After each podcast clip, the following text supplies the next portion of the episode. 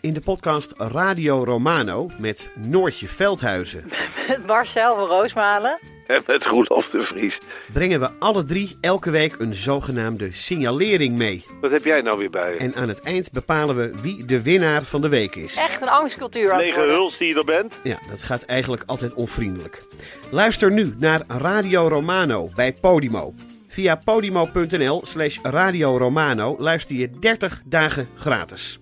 Ben jij van plan om dit jaar te starten met beleggen? Of ben je er al mee bezig en zoek je een portie inspiratie? Wij zijn eh, Jasper en Twan, twee doodgewone maar compleet verschillende beleggers. En iedere donderdag vertellen wij in onze podcast de lange termijn over onze beleggingsreis, onze lessen en met name onze fouten. En dat allemaal op een eh, vermakelijke en een langdrempelige manier. Alsof je met ons in de kroeg staat. Met een whiskietje erbij. Lekker. Dus luister eens naar onze podcast De Lange Termijn. Heb je, nou heb je alle bruine M&M's heb je er, en één oranje. Ja. Ik had tegen Jonica gezegd... we moeten blauwe M&M's hebben voor Ipe. Verder hebben we niks nodig.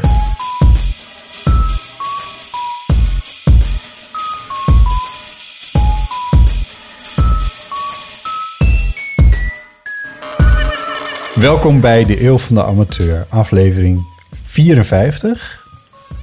Eh, we zijn op locatie. Eh, Ipe, je bent mee. welkom. Een beetje gek om je welkom te Als een heten. soort huisdier. Ja. Je bent mee. Nou, ik, ben ben eigenlijk met jou mee, want we zijn samen bij Jonica Smeets. Hallo. Jonica, hoi. Wat leuk dat we, dat we bij jou mogen zijn. Ipe en jij maken al heel lang samen de fotostrip. Dus jullie kennen We kenden elkaar daarvoor zelfs al. Daarvoor- Daarvoor was ik eigenlijk ook tamelijk obsessief fan eh, Voor van de- Ipe. En Ipe en Willem was het toen nog. Oh ja. En toen dacht ik, ik moet zorgen dat ik iets met die gast ga doen. Voordat jij zo beroemd was, was jij al fan Ja. van Ipe. Al lang, ja. Oh, oh. Dus mensen wordt fan van mij en dan word je daarna beroemd en succesvol. zelf automatisch eh, word je daarna. Ja. Ehm, En ik ben ook wel eens overdag te spreken hoor. Maar ik heb gewoon een voltijdbaan en alles Dat is... ja, Ik- het is gewoon zo druk. Ja, ik heb jou, eh, ik denk dat het twee jaar geleden is of zo, heb ik een keer geïnterviewd voor de radio. En Oh ja. toen ben ik naar je, naar je werkplek gekomen. Ik weet niet of je je dat herinnert, er gebeurde nog iets bijzonders. Ik stond in de lift naar, eh, naar jouw etage. Ik weet niet meer, ik weet niet eens meer waar of hoe hoog dat was. Maar, en bij mij in de lift stond iemand, want dit is allemaal, eh, pff, ja, welke faculteit hebben we het over eigenlijk? De beta-faculteit en dan Ja. het biologie-instituut. Ja, precies. Dus jij stond in die lift vol plantjes, Vol toch? plantjes. Ja. Ja, eh, tomatenplantjes om precies te zijn. En ik herkende ze als tomatenplantjes. Het waren, hele, het waren plantjes van eh, 10, 20 centimeter hoog. En dat zei ik tegen eh, die jonge dame die ze... Ik zei, hé, hey, tomatenplantjes. Ja, zei ze. Wil je er eentje hebben? Je was niet bij de Albert Heijn eh, en, en- en met een paar moestuintjes. Maar die heb je wel... Want het, Die heb ik meegenomen. Ja. eh, en die heb ik op mijn... eerst meegenomen nee, bij jou naar binnen. en zo wat onder je bureau Ja, zo had je als plantje. Ja, dat is wel... Ja. Maar, Ik vond het heel raar, maar maar, ook er leuk. tomaten van gekomen? Ja, er zijn tomaten van gekomen, maar dat waren niet hele beste. Nou, want En dat dat- wil ik net zeggen. Want in het gebouw zitten dus allemaal mensen die aan plantenstudies doen. En die dus allemaal freaky experimenten doen met tomatenplantjes. Ja, ik heb er dus ook over nagedacht van... zou ik de tomaat die dit eventueel oplevert... zou ik die ook gaan eten? Want wie weet wat voor tomatenplant dit eigenlijk wel niet is. Ja, maar die geven ze dan niet aan je. Zo Dat- ethisch zijn ze ook wel weer. Dat leek mij ook, maar ik had het ook niet gevraagd. Ehm, uiteindelijk door mijn schuld... eh, ik had namelijk eventjes over het hoofd gezien... dat je zo'n plantje best wel veel water moet geven... en ook heel regelmatig. En liefde. en liefde. Ehm, en een van die dingen is niet zo goed gelukt. Dus de, het heeft tomaten opgeleverd, maar eigenlijk veel te laat in het jaar. En toen, ja, dus toen werd het een soort kleine harde dingen die ik niet heel aantrekkelijk vond om op te eten. Goed, waarom vertel ik het allemaal? Oh ja, omdat ik, eh, omdat ik, omdat ik jou toen geïnterviewd heb. En ik weet eigenlijk niet eens meer waarover. Ja, blijkt altijd onze gasten al een keer geïnterviewd te hebben. Ja, ik zat ook te denken waarvoor het er was. Maar ik weet het ook Het niet was meer. voor de radio. Het Wat? was voor... eh, ja, het ging over wetenschapscommunicatie, dat weet ik nog wel. We zetten het in de show notes. Ik ga het uitzoeken en dan eh, komt het in de show notes.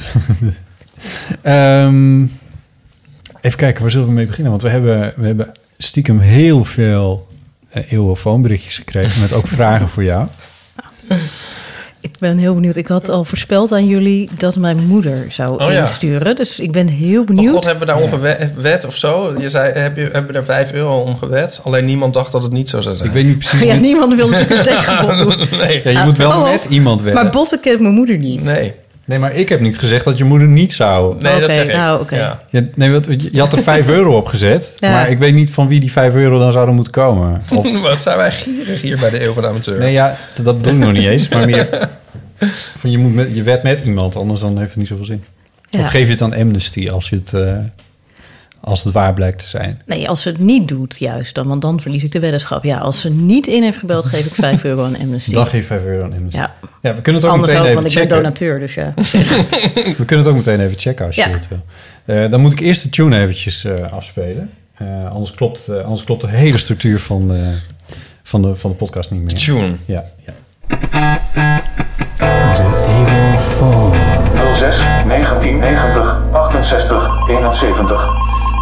Ja. Lekker vroeg in de uitzending hebben we gelijk het leukste gehad. Ik dacht altijd dat je dit achteraf erin monteerde, die tune. Ook, maar we, we, we spelen deze ook even live, want, eh, want dat is fijn.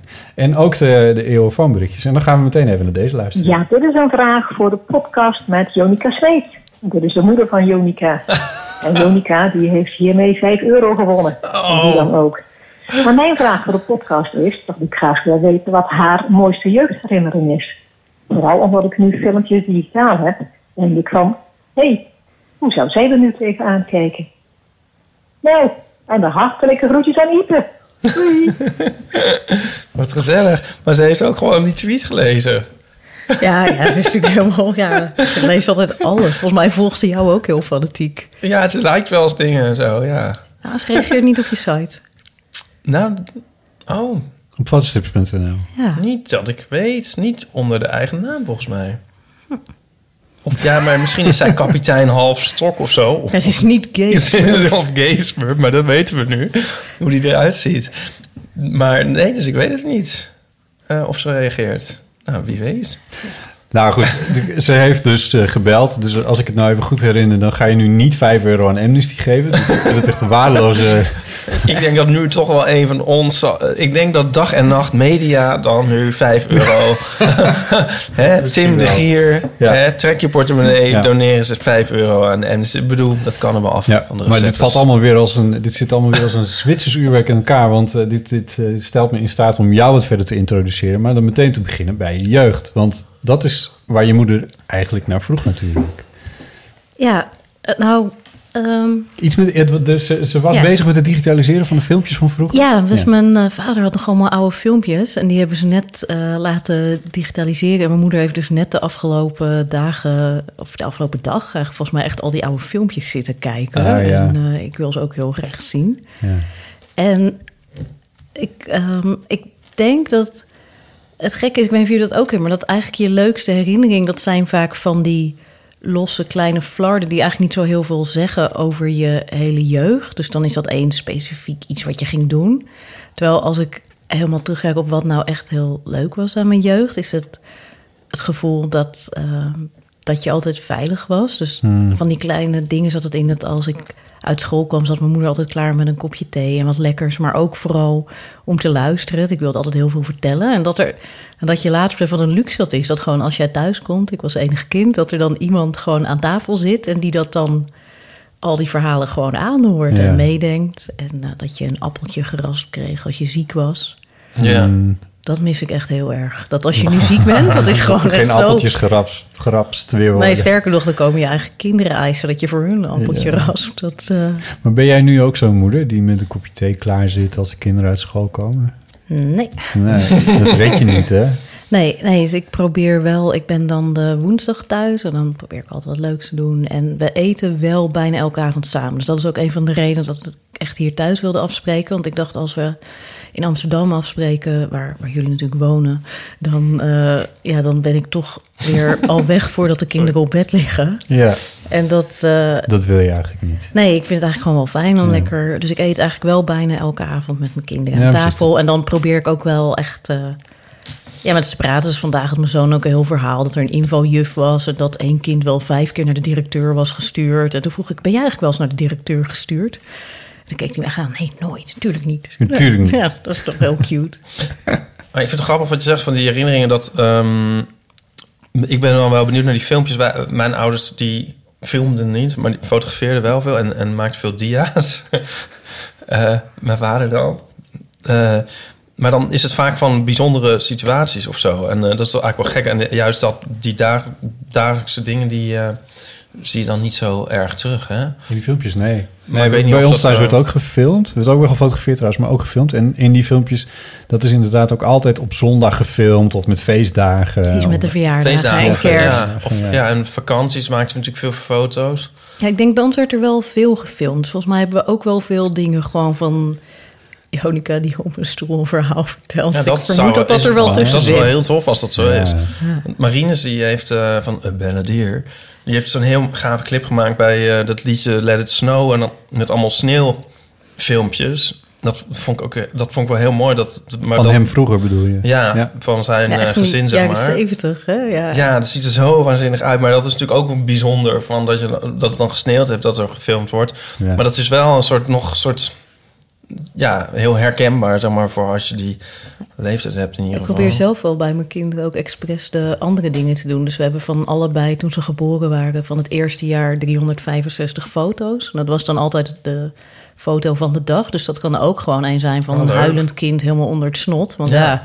dat is soms dus- gewoon ja, wel... Dat is tof. Ja, Ja. en ik doe ook elk jaar maak ik er de filmpje voor de familie met eh, van een kwartiertje met dan de leukste dingen van het jaar. En een van de hoogtepunten is ook altijd dat ik een stukje monteer met al het gedrein en geschreeuw en dat ik dan ook altijd het muziekje kies. Dus afgelopen jaar had ik Kind van de Duivel eronder. en het jaar daarvoor had ik Huilend naar de Club van Afke Romein. Oh, wat Ja, goed. Ja. Dat is wel heel beurt. Het is maar een half minuutje of zo. Maar dat je denkt, ja, dat zat er wel in dat, jaar. gebeurde ook. Ja, Komt dit op YouTube? Nee, nee, nee, nee. Oh nee, wat tof. Ja, ja, Oh. eigenlijk zijn de dingen die niet op YouTube komen... die zijn eigenlijk veel gaver. Ja, nou, tenminste weet ik niet. Maar dit klinkt wel heel goed, ja. Eh, Ik moet denken aan mijn vader fotografeerde vroeger altijd bloemen op vakantie. Me- eh, maakte hij dan dia's van. En dan moet je dan... zo- In mijn herinnering, het zal wel meegevallen hebben... maar stonden we wel heel lang te wachten... terwijl mijn vader op een of andere berg pas een Gentiaantje aan het fotograferen was. En die is hij nu allemaal aan het weggooien. Die foto's. Ja, maar specifiek. Hij was dan zo zijn dia's om aan het uitzoeken van wat hij moet houden en niet. Want het zijn duizenden dingen. En hij heeft zoiets van: dat kan ik jullie niet aandoen, dat jullie dat moeten uitzoeken. En eh, dus hij was mee aan het schriften. En toen was hij al die, die bloemen eruit aan het gooien. Toen dacht ik: want dat zijn al die. Wij, wij eindeloos eerst. Eindeloos zitten wachten op al die bloemen. Nu zijn ze er. en nou worden ze weggegooid. Ah. Nou, ja. Heeft, er ook nog een reden voor aangegeven? Dat- Ik bedoel, afge... ja, die bloemen Ja. ook met die bloemen. Oké, ja. ja. Nee, dat is echt zo komisch. Maar ik vind ook met ehm, dat je soms bewust foto's maakt waarvan je denkt, daar heb je later wat aan, maar dat dat ook wat akelig kan zijn. Dus dat je bijvoorbeeld denkt, laat ik nu nog even een goede foto van opa maken, eh, Ja. die er, nu die er nog is. Ja. Maar dat dat dan ook wat ongemakkelijk is. We hadden dat heel erg. Han had nog eh, een opa en oma. En dan eh, inmiddels dus ook al niet meer inderdaad. Maar dat we dan echt bewust daar een beetje leuke foto's met de Ja. kinderen van wilden. Ja.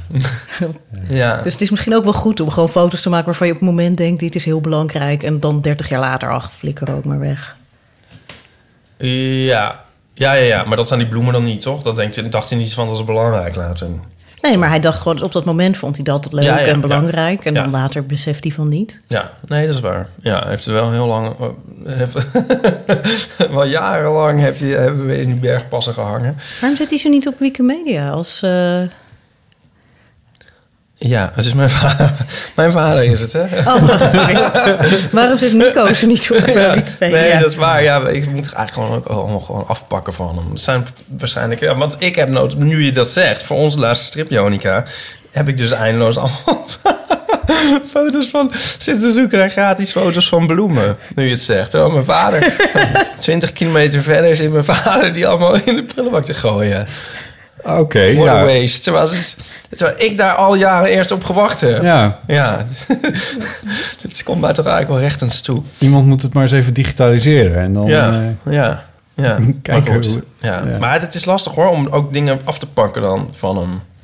Dus begrijp wat ik bedoel. Ik had ook moeilijk die zo'n slee dia's uit zijn handen pakken en zeggen... nee, dat eh, blijft hier of zo. Ik kan wel zeggen, voor je ze weggooit, geef ze aan ons. Ja, Ja, volgens mij heb ik ook zoiets gezegd, maar ik heb daarna nooit meer iets gezien. Nou, als je luistert. ja, ja. Ze luisteren toch altijd? Nou, niet meer zo volgens mij. Ja, dat ligt een beetje aan in hoeverre ik het onder hun aandacht breng. Oh. Ja. Hm.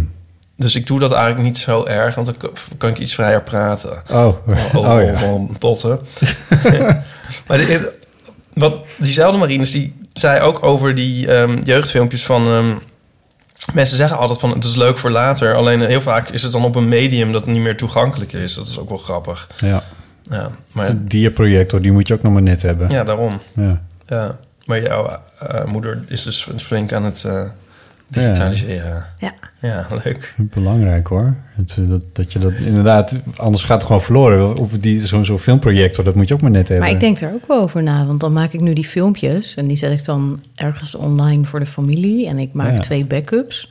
Ja. Dat je dan denkt, ja, voor 20 jaar Ja. kan je dan dit videoformaat nog wel heb je ergens dan wel een openen. goede codec. Ja. ja. Ja. En het is een goede vraag. De, van papieren foto's, die heb je gewoon nog over 30 Ja. jaar. Terwijl Ja. al die digitale dingen. Hoewel die Ja. ook kunnen vergaan natuurlijk. Nou, maar en dat, zijn, vind- eh, dat vind ik grappig van papieren foto's. Die eh, slingeren ook en zo. En die krijg je ook een soort ongewild nog onder ogen. Terwijl dingen op een harde schijf of zo... die moet je ook echt heel erg... Ja, Ja, het is niet dat je denkt, laat ik nu in folder 2015 maart Nee. nog eens kijken. Ja, wat het toen was. Toen een, een, ja, het zijn er dan, het is een beetje gek als een hond te slingeren, maar een foto die kan nog eens ergens opduiken of zo. Dat is wel leuk daar weer aan. Je zit ook denken aan als iedereen nu zijn Facebook-profiel verwijdert in een vlaag van woede en verveling en zo. Dat, of je daar dan later ook niet spijt van krijgt wat daar allemaal op stond, wat je niet meer hebt. Hmm, dat weet ik niet. De, ja, denk je? Ja, Ja. dat, ik vind het toch wel van een andere categorie. Op een of andere manier. Ik heb volgens mij al dit tien is, jaar dit is, de Facebook tra- en, eh, dit is misschien de, de, de, de trap, hoe zeg je dat? Waar je dan in valt. Wat ik nu zeg, van, van ach ja, hoe belangrijk kan het zijn? Want dat heb ik ook wel met, dat heb ik met, met er ligt bij mij thuis ook een, stapel oude, nog niet gedigitaliseerde foto's. Waar ongetwijfeld ook dingen tussen zitten waar ik spijt van krijg dat ik dat, ik dat weet ik veel, dat doosje kan zomaar weg zijn of zo. En dan is het weg en dan denk je er niet meer over na. En dan is dat ook prima. Maar als je het dan weer terugziet, dan denk je toch van... oh, ja, toch wel belangrijk. Misschien toch bewaren. Ik gooi juist, nou ja, zeker online bepaalde dingen weg. Dus ik, ik heb nooit op Facebook gezeten, dus dat kan ik ook niet eens deleten. Maar ik zit wel op Twitter. Maar al mijn tweets worden na 30 dagen automatisch gewist. Omdat ik vind dat Twitter is als losjes praten en een beetje alsof je met mensen in de kroeg een Ja. grap maakt. En dat wil ik helemaal niet voor de eeuwigheid zeggen. Want als het voor de eeuwigheid er staat, dan moet je over elke zin nadenken. Ja. Wat ik trouwens wel wonderbaarlijk vind van jullie podcast, dat jullie dat wel gewoon doen. Dat jullie soms over allerlei dingen een beetje hardop na zitten te denken. En het dan eigenlijk allemaal net niet helemaal weet. Heteroseks, ja. ik heb dus even wat studies opgezocht, mensen. Hetero's zijn net Oh, zo oh, tevreden over hun seksleven als Oh, homo's is gemiddeld. Heel. Dit is een wetenschappelijk feitje wat je Ja. nu vertelt. Ja, moeten we nou, daar- het was niet echt een wetenschappelijke studie, Oh. maar een grote enquête. Close enough. Ja, nee hoor, Gaan we daarheen maar... over. Nee, want dat is wel interessant. Nee, maar dat andere is ook interessant wat je zegt, vind ik. het is allemaal interessant. Het, eh, de- dat na 30 dagen je, je tweets worden verwijderd, bedoel je? Ja, ik weet dat je dat doet. Ja, dat is heel tof. Maar ehm, tenminste, of heel tof. Ja, nee, dat zit er wel al wat in. Nou, ja, ik vind het zelf prettiger sinds ik het ben gaan doen. En het... ehm, Maar het wordt waarschijnlijk toch alsnog wel ergens weer eh, gearchiveerd, of niet? Ja, ik, ik ben daar toch ook wel. Ik weet niet of het optimistisch of somber is. Dus er zijn natuurlijk wel allemaal archiveringstools. Tegelijkertijd is er zoveel. Ja. Hoe ga je dat allemaal ooit terugvinden? En als Ja. mensen echt willen, kunnen ze natuurlijk screenshots gaan Ja. bewaren. Maar welke maloot gaat dat doen? Ja, dat... Ja. Ja. Maar als ik jou één keer iets zie tw- tweeten waarvan ik denk... oh, dit moet ik echt goed bewaren... dan kan ik er maar beter wel eventjes een screenshotje van ja, maken. anders is die na een Anders maand is hij weg. weg. Ja. Ja, en bedden heeft ook geen zin. Het enige jammer is wel dat ik inderdaad soms iets voorspel... en dat het dan een jaar later uitkomt. Dat ik denk, oh, die tweet had ik moeten bewaren. Ah, ja. Dat is de enige keer dat ik er Ja. spijt van heb. Heb je niet meer een blog of zo waar je... Nee, Hmm, nee. dat, daar, dat is wel een goed Ja, bewaardoosje. jouw, jouw columns van de... Of is dat nou niet waar wat ik zeg? Ik wil zeggen, jouw Volkskrant-columns zijn nog niet gebundeld, of wel? Nee, alleen het eerste heel korte stukje. Want we zijn, ik zat net op te zoeken. We zijn in januari 2009 begonnen, dus het is bijna tien jaar. Oh. En het eh, boek wat ik met Janine Daams maakte... ik was altijd heel slecht Ja. in wiskunde. En die columns heette toen nog de Wiskundemeisjes. Daarvan zijn toen dus een aantal in dat boek ook gekomen. Ja. Maar dat was dus 2011. Ja, Dus alles daarna is nooit gebundeld. nee. En is dat dus ook een, eh, vanuit een dergelijke filosofie... of is dat gewoon niet van gekomen? Nou, ik zei wel eens iets over tegen mijn uitgever. En die zei dan, eh columnbundels verkopen niet. En eh, toen heb ik... Is dat zo? Nou, meestal heel moeilijk. Daar denkt Pauline anders over. Ja, dat is echt een van de uitzonderingen. En Sylvia Witteman is ook een van de uitzonderingen. Maar de meeste En doen het niet zo goed. om hem maar weer te noemen. Nico Dijkshoorn. Ja. Plus in jouw column staat ook wat. Ik weet niet hoor. Ik kan toch wel een rijtje Ja. noemen. Nou, het grappige is ook, want we hebben daarna wel mijn opvoedings eh, Ja. eh, uit de eh, Kijk Mama. Daar schrijf ik elke maand over opvoeding en, en over de wetenschap daarvan. En die zijn toen wel op een gegeven moment gebundeld. En dat is mijn enige boek waarmee ik ooit in de bestseller 60 ben gekomen. Kijk. Dus, eh, maar ik denk eigenlijk... Eat That, uitgever. Oh, nou, dus, eh, ik heb een heel leuke uitgever. Uitgever en Nieuwsheid, fijnste uitgever van Nederland. Oké. Maar ik denk eigenlijk vooral die columns bundelen, dat dat... ehm, dat het gewoon wel werk is als je het goed wilt doen. Dus als je het echt goed wil doen, dan moet je ze eerst allemaal door. Dan moet er een soort ordening in. En omdat het over getallen en wiskunde gaat, zou je dan ook nog willen streven naar zekere volledigheid. En sommige zijn heel actueel, dus die kan je dan echt niet vijf jaar later nog in een bundel zetten. Nee. Zo moet je die weer gaan herschrijven. En dan moet ik ook weer al dat rekenwerk doen. En misschien moeten we mijn columns samen met onze fotostrips bundelen. Dat zou handig zijn. Hm. Die moeten we ook nog een keer bundelen. Die moeten we een keer bundelen. Hey, dit Ja, misschien zitten idee. daar een soort eh, wel, wel leuke crossovers in of zo. Ja, want we zaten wel eens te denken om teksten erbij Ja. te maken. Maar dan dacht ik, ja, dan moeten we weer teksten Dat is echt veel werk. Ja, even voor Ja. de volledigheid, New Scientist hebben we het nu over. Ja, Ja, daar maken we in een fotostrip voor. Hoe lang doen we dat dan al? nou, minstens 50 nummers. Dus dat is ook Vijf jaar. Ja, Ja. er staan tien nummers per jaar. 12, toch? Nee, Zijn het er maar 10? ja. Oh, Ja, want dan twee keer per jaar denk, heb ik opeens heel lang dan doen we tot de niet mee. deadline. Oh ja, ze hebben zo'n dubbel zomernummer Ja, altijd. Ja. Dat hebben eigenlijk, heeft elk maandblad, ben ik achtergekomen dat. Oh, sommigen hebben juist meer. De Kijk Mama had er dan weer 13 per jaar. Ja. 13e maand. Oh. Ja. Nou, waar ik voor wat Omdat die gewoon om de vier ook, weken eh, uitkomen. Ja, precies. Ja. Oh, zo. Ja. Want onze taal heeft ook tien eh, nummers. Oh, ja. En ik maak nu een fotostrip voor de preview sinds kort. En volgens mij heeft hij ook tien nummers. Ja, mensen. Maar we later wel een extra voor de New Scientist. Ja, dat is waar. eh, Ja. Maar goed, ja, Ja. nee, we maken samen die foto's. ja, maar misschien kunnen we er wel een soort eh, dingetje... Dan, dan kan het wel in elkaar gevlochten worden. Nou, Ik weet het niet. Maar denk, ja, weet. Ja, met die... ik denk ook trouwens dat ik die columns ook nog steeds wel een keer wil bundelen. Maar ik ben ook al jaren bezig aan een boek waar ik eigenlijk ook nooit tijd voor heb. En dat moet dan eerst een keer af. En dan die bundel. Maar jij bent ook wel een beetje perfectionistisch. Ik had al lang... eh, dan geef je toch aan een stagiair die columns van... eh, zoek het uit, zoek, lees dit eens door. Wat zit er wat tussen? kan het niet zo? Nee. nee. Oh. Hoe, hoe lang werk je aan eh, zo'n Volkskrant column bijvoorbeeld? Ligt er heel erg aan eh, hoeveel rekenwerk er weggemoffeld moet worden. Meestal is het alles bij elkaar een uur vier of vijf. Hmm. En soms zit er echt een dag rekenen achter. Maar dan moet ik ook alles... eh, dat, dat wil je dan niet dat de lezer dat ziet. En ook of dat je heel erg zit na te denken. Dus, eh, dus de column heet Jonica zag een getal. Ja. En ik mag in principe alles doen zolang er een getal in zat. Dus dat is echt fantastisch. Eh, Sylvia Witteman heeft, Sylvia, of Witteman heeft iets gelezen. Wat nog relaxter is. Dan hoef je gewoon alleen maar wat te lezen. Ehm, Dat is ook, ja, oh nee. Nou, ik wil zeggen, het is ook beperkter op een bepaalde manier misschien. Of valt het wel mee? nou, ze kan alles lezen. Dus eh, ze, kan, eh, ze had laatst zo'n prinsessenmagazine eh, Ja. gelezen. Voor, voor peuters of zo. Nee, maar... ehm, nee, het is... Dus, ik, ik doe ook dus sinds ik weer aan de universiteit werk... minder echt van het heel heftige rekenwerk. Omdat ik gewoon niet een tijd heb. Dus dan zat ik soms gewoon anderhalve dag iets uit te zoeken... en lekker te klussen. Eh, en dat is nu ietsje minder. Het is nu ook, vind ik, ik vind het ook interessanter om iets meer opinie te schrijven. Om iets meer te zeggen over waar ik echt iets van vind. En Ja. waarvan ik denk, dit zou echt anders moeten. En het is belangrijk dat mensen hier een keer over nadenken. Ja. En ik vind ook... ehm, heel leuk om met de vorm te spelen. Dus dat, ik vind dat eigenlijk heel weinig columnisten dat doen. Je hebt 500 woorden en daarbinnen mag je eigenlijk doen wat je wil. En dat mensen dan toch vaak heel klassiek met een anekdote beginnen, dan ergens naartoe gaan en dan komen ze aan het eind weer terug op die anekdote. Ja, God. dat je denkt, weet je, als ik dat doe, dan heb ik echt, dan heb ik gewoon een slechte week. Dan denk ik, nou, dan doe ik dat, dan zit je altijd goed. Maar ik bedacht laatst bijvoorbeeld dat ik heel graag binnenkort een keer een column wil doen die begint met mijn spreekbeurt gaat over. En dan moet je ook eindigen met zijn er nog vragen. Ja. En dat, daar kan ik me dan nu al heel erg op verheugen. dat ik dat heb bedacht. En, dat, en Ja. dat je dan ook helemaal in zo'n spreekbeurtstijl. En ik had bijvoorbeeld vorig jaar, toen waren de basisschoolstakingen.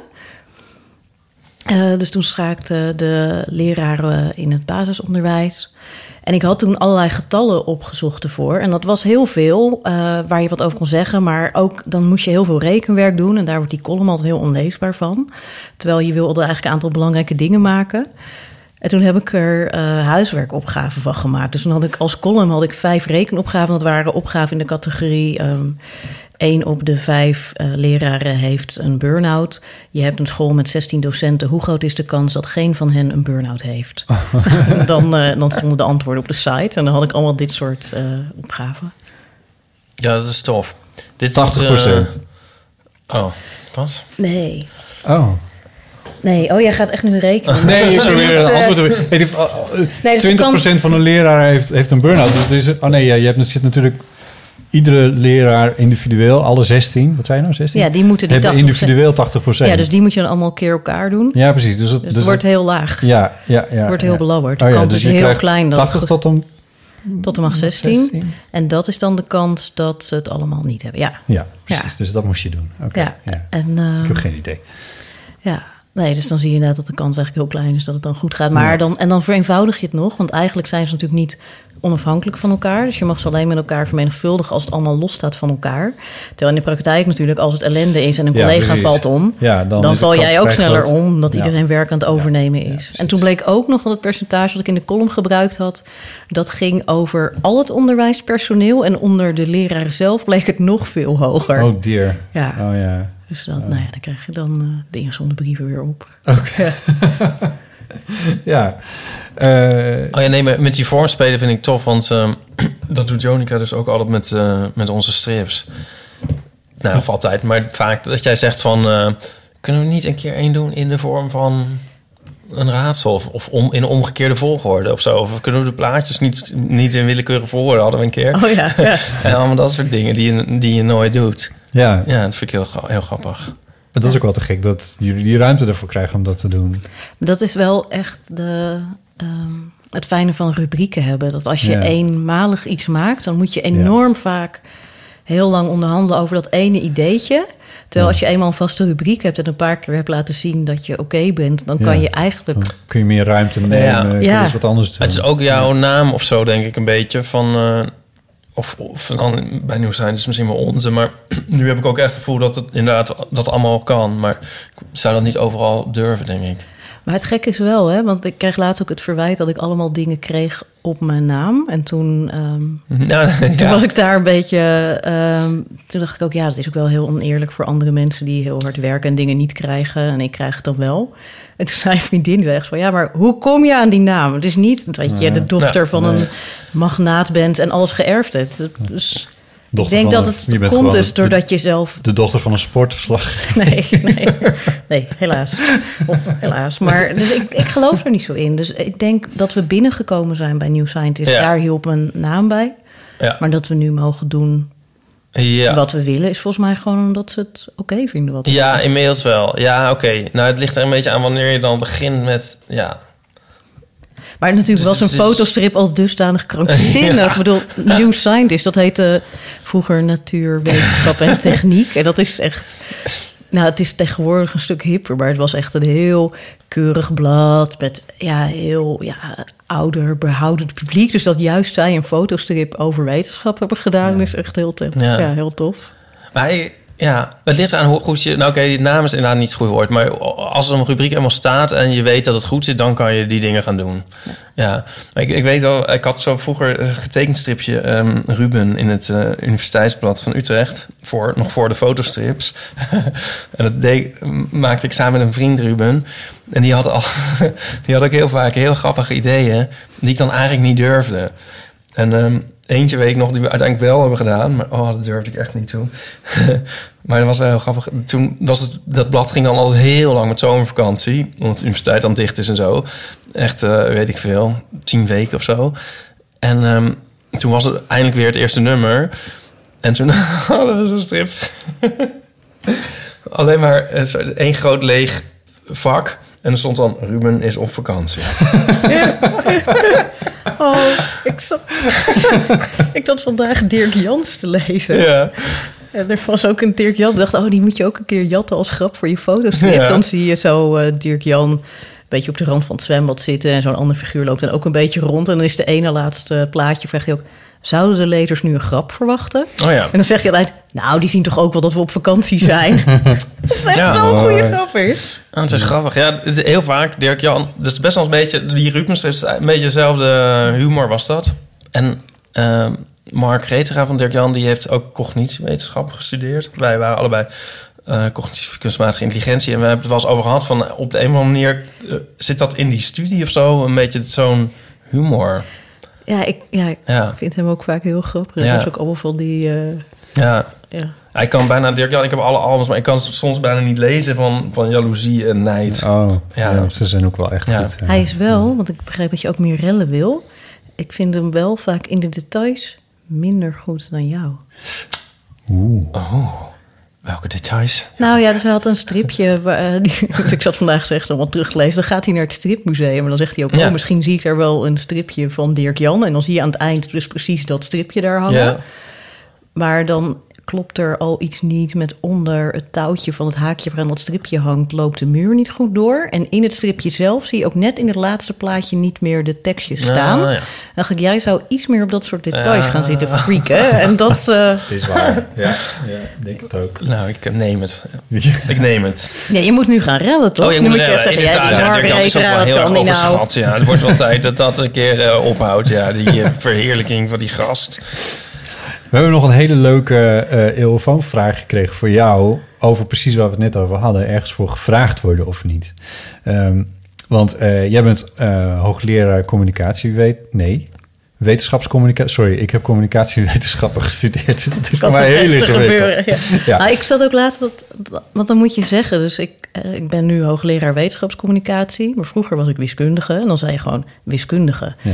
Maar nu, als ik dan niet hoogleraar wil zeggen, moet ik wetenschapscommunicatie, wetenschapper, Oh, onderzoeker. ja, oh, ja, dat is nog- echt nog één. Er is niet een goed achter. zelfstandig naamwoord Precies, voor. ja. dus Oh, nou goed. goed. Maar Nou, dat ben ik. Wetenschapscommunicator. Nee, want, je, nee, want je, Nee, het gaat ik. niet om Ja, het nee, doen van ik. de communicatie. Ja. Het gaat om het onderzoek. Ja, Oh. communicator. Ja, nee, dat werkt niet. Nee. Ja, Ah, scholar, nou, wie ja. daar een goed idee voor heeft, die mag het aandragen. Maar je bent, eh, eh, je bent vrij druk. Eh, en we hadden het net over gevraagd worden op waarvoor je gevraagd wordt. Dat had, eh, Jules had daar een goede vraag over. Hallo Botte, Ipe en Jonica met Jules. Ik ben helemaal trots op het feit dat ik het telefoonnummer uit mijn hoofd ken, terwijl ik nog nooit heb ingesproken.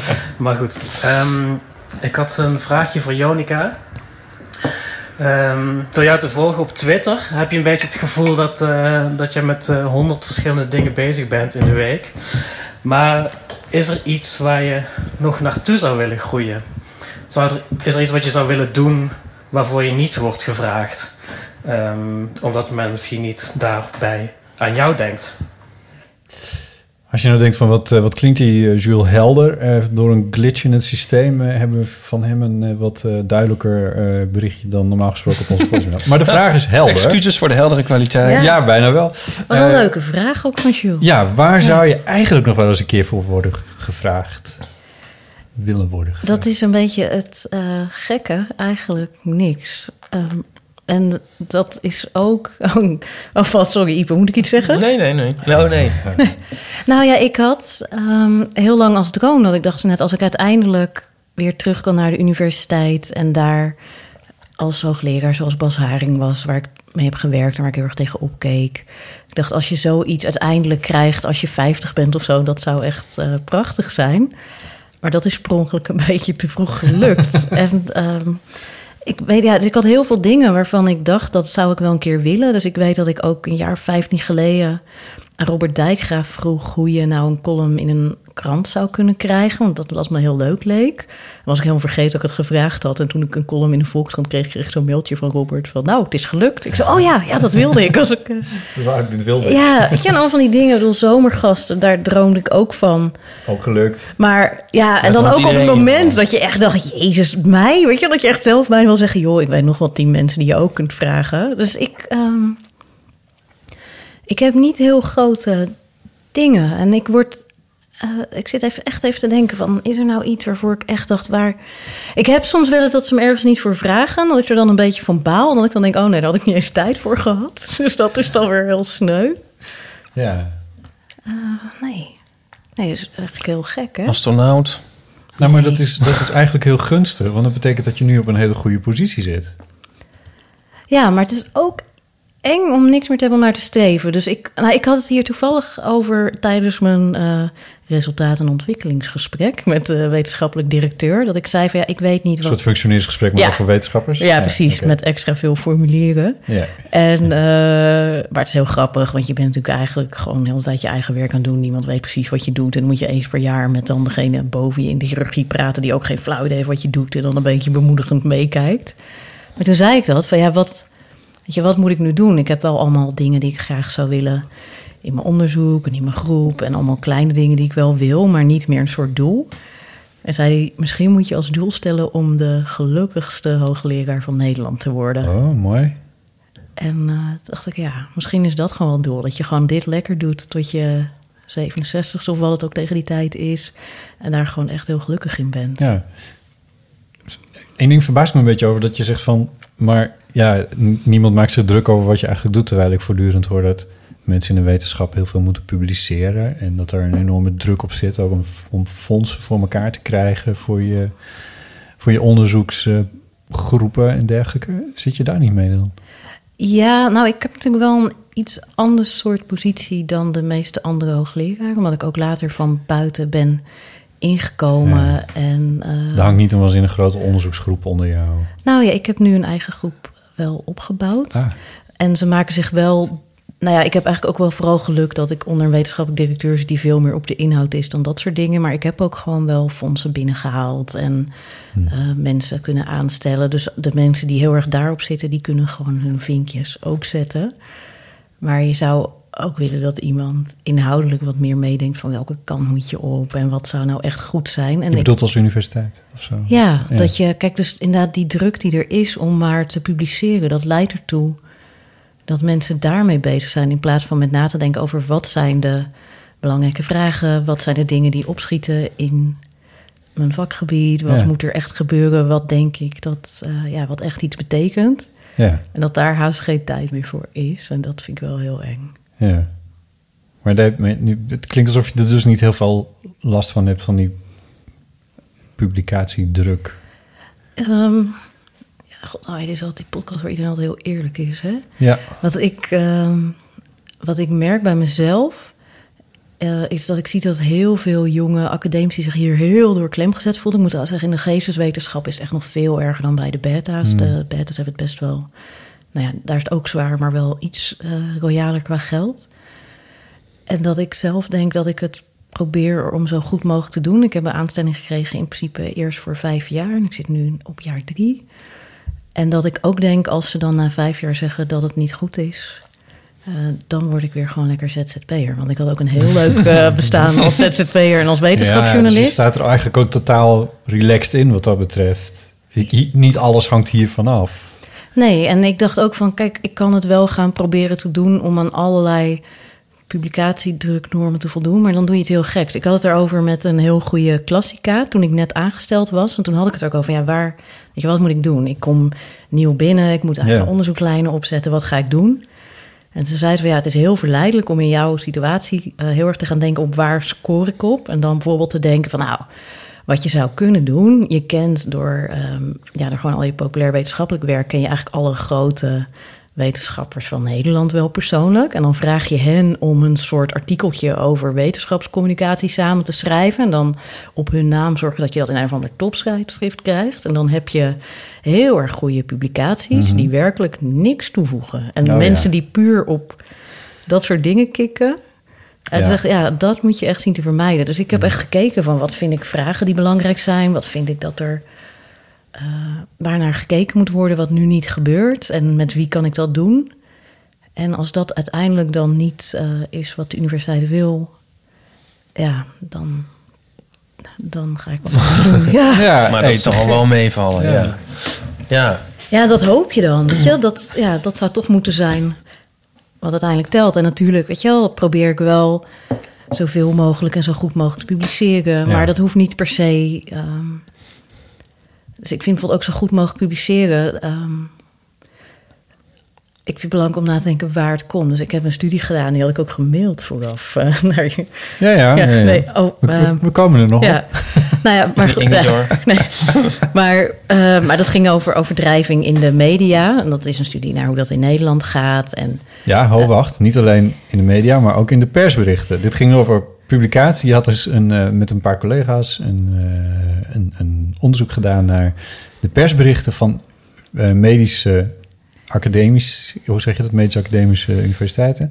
Eh, de, de, persberichten van, van die medische academies.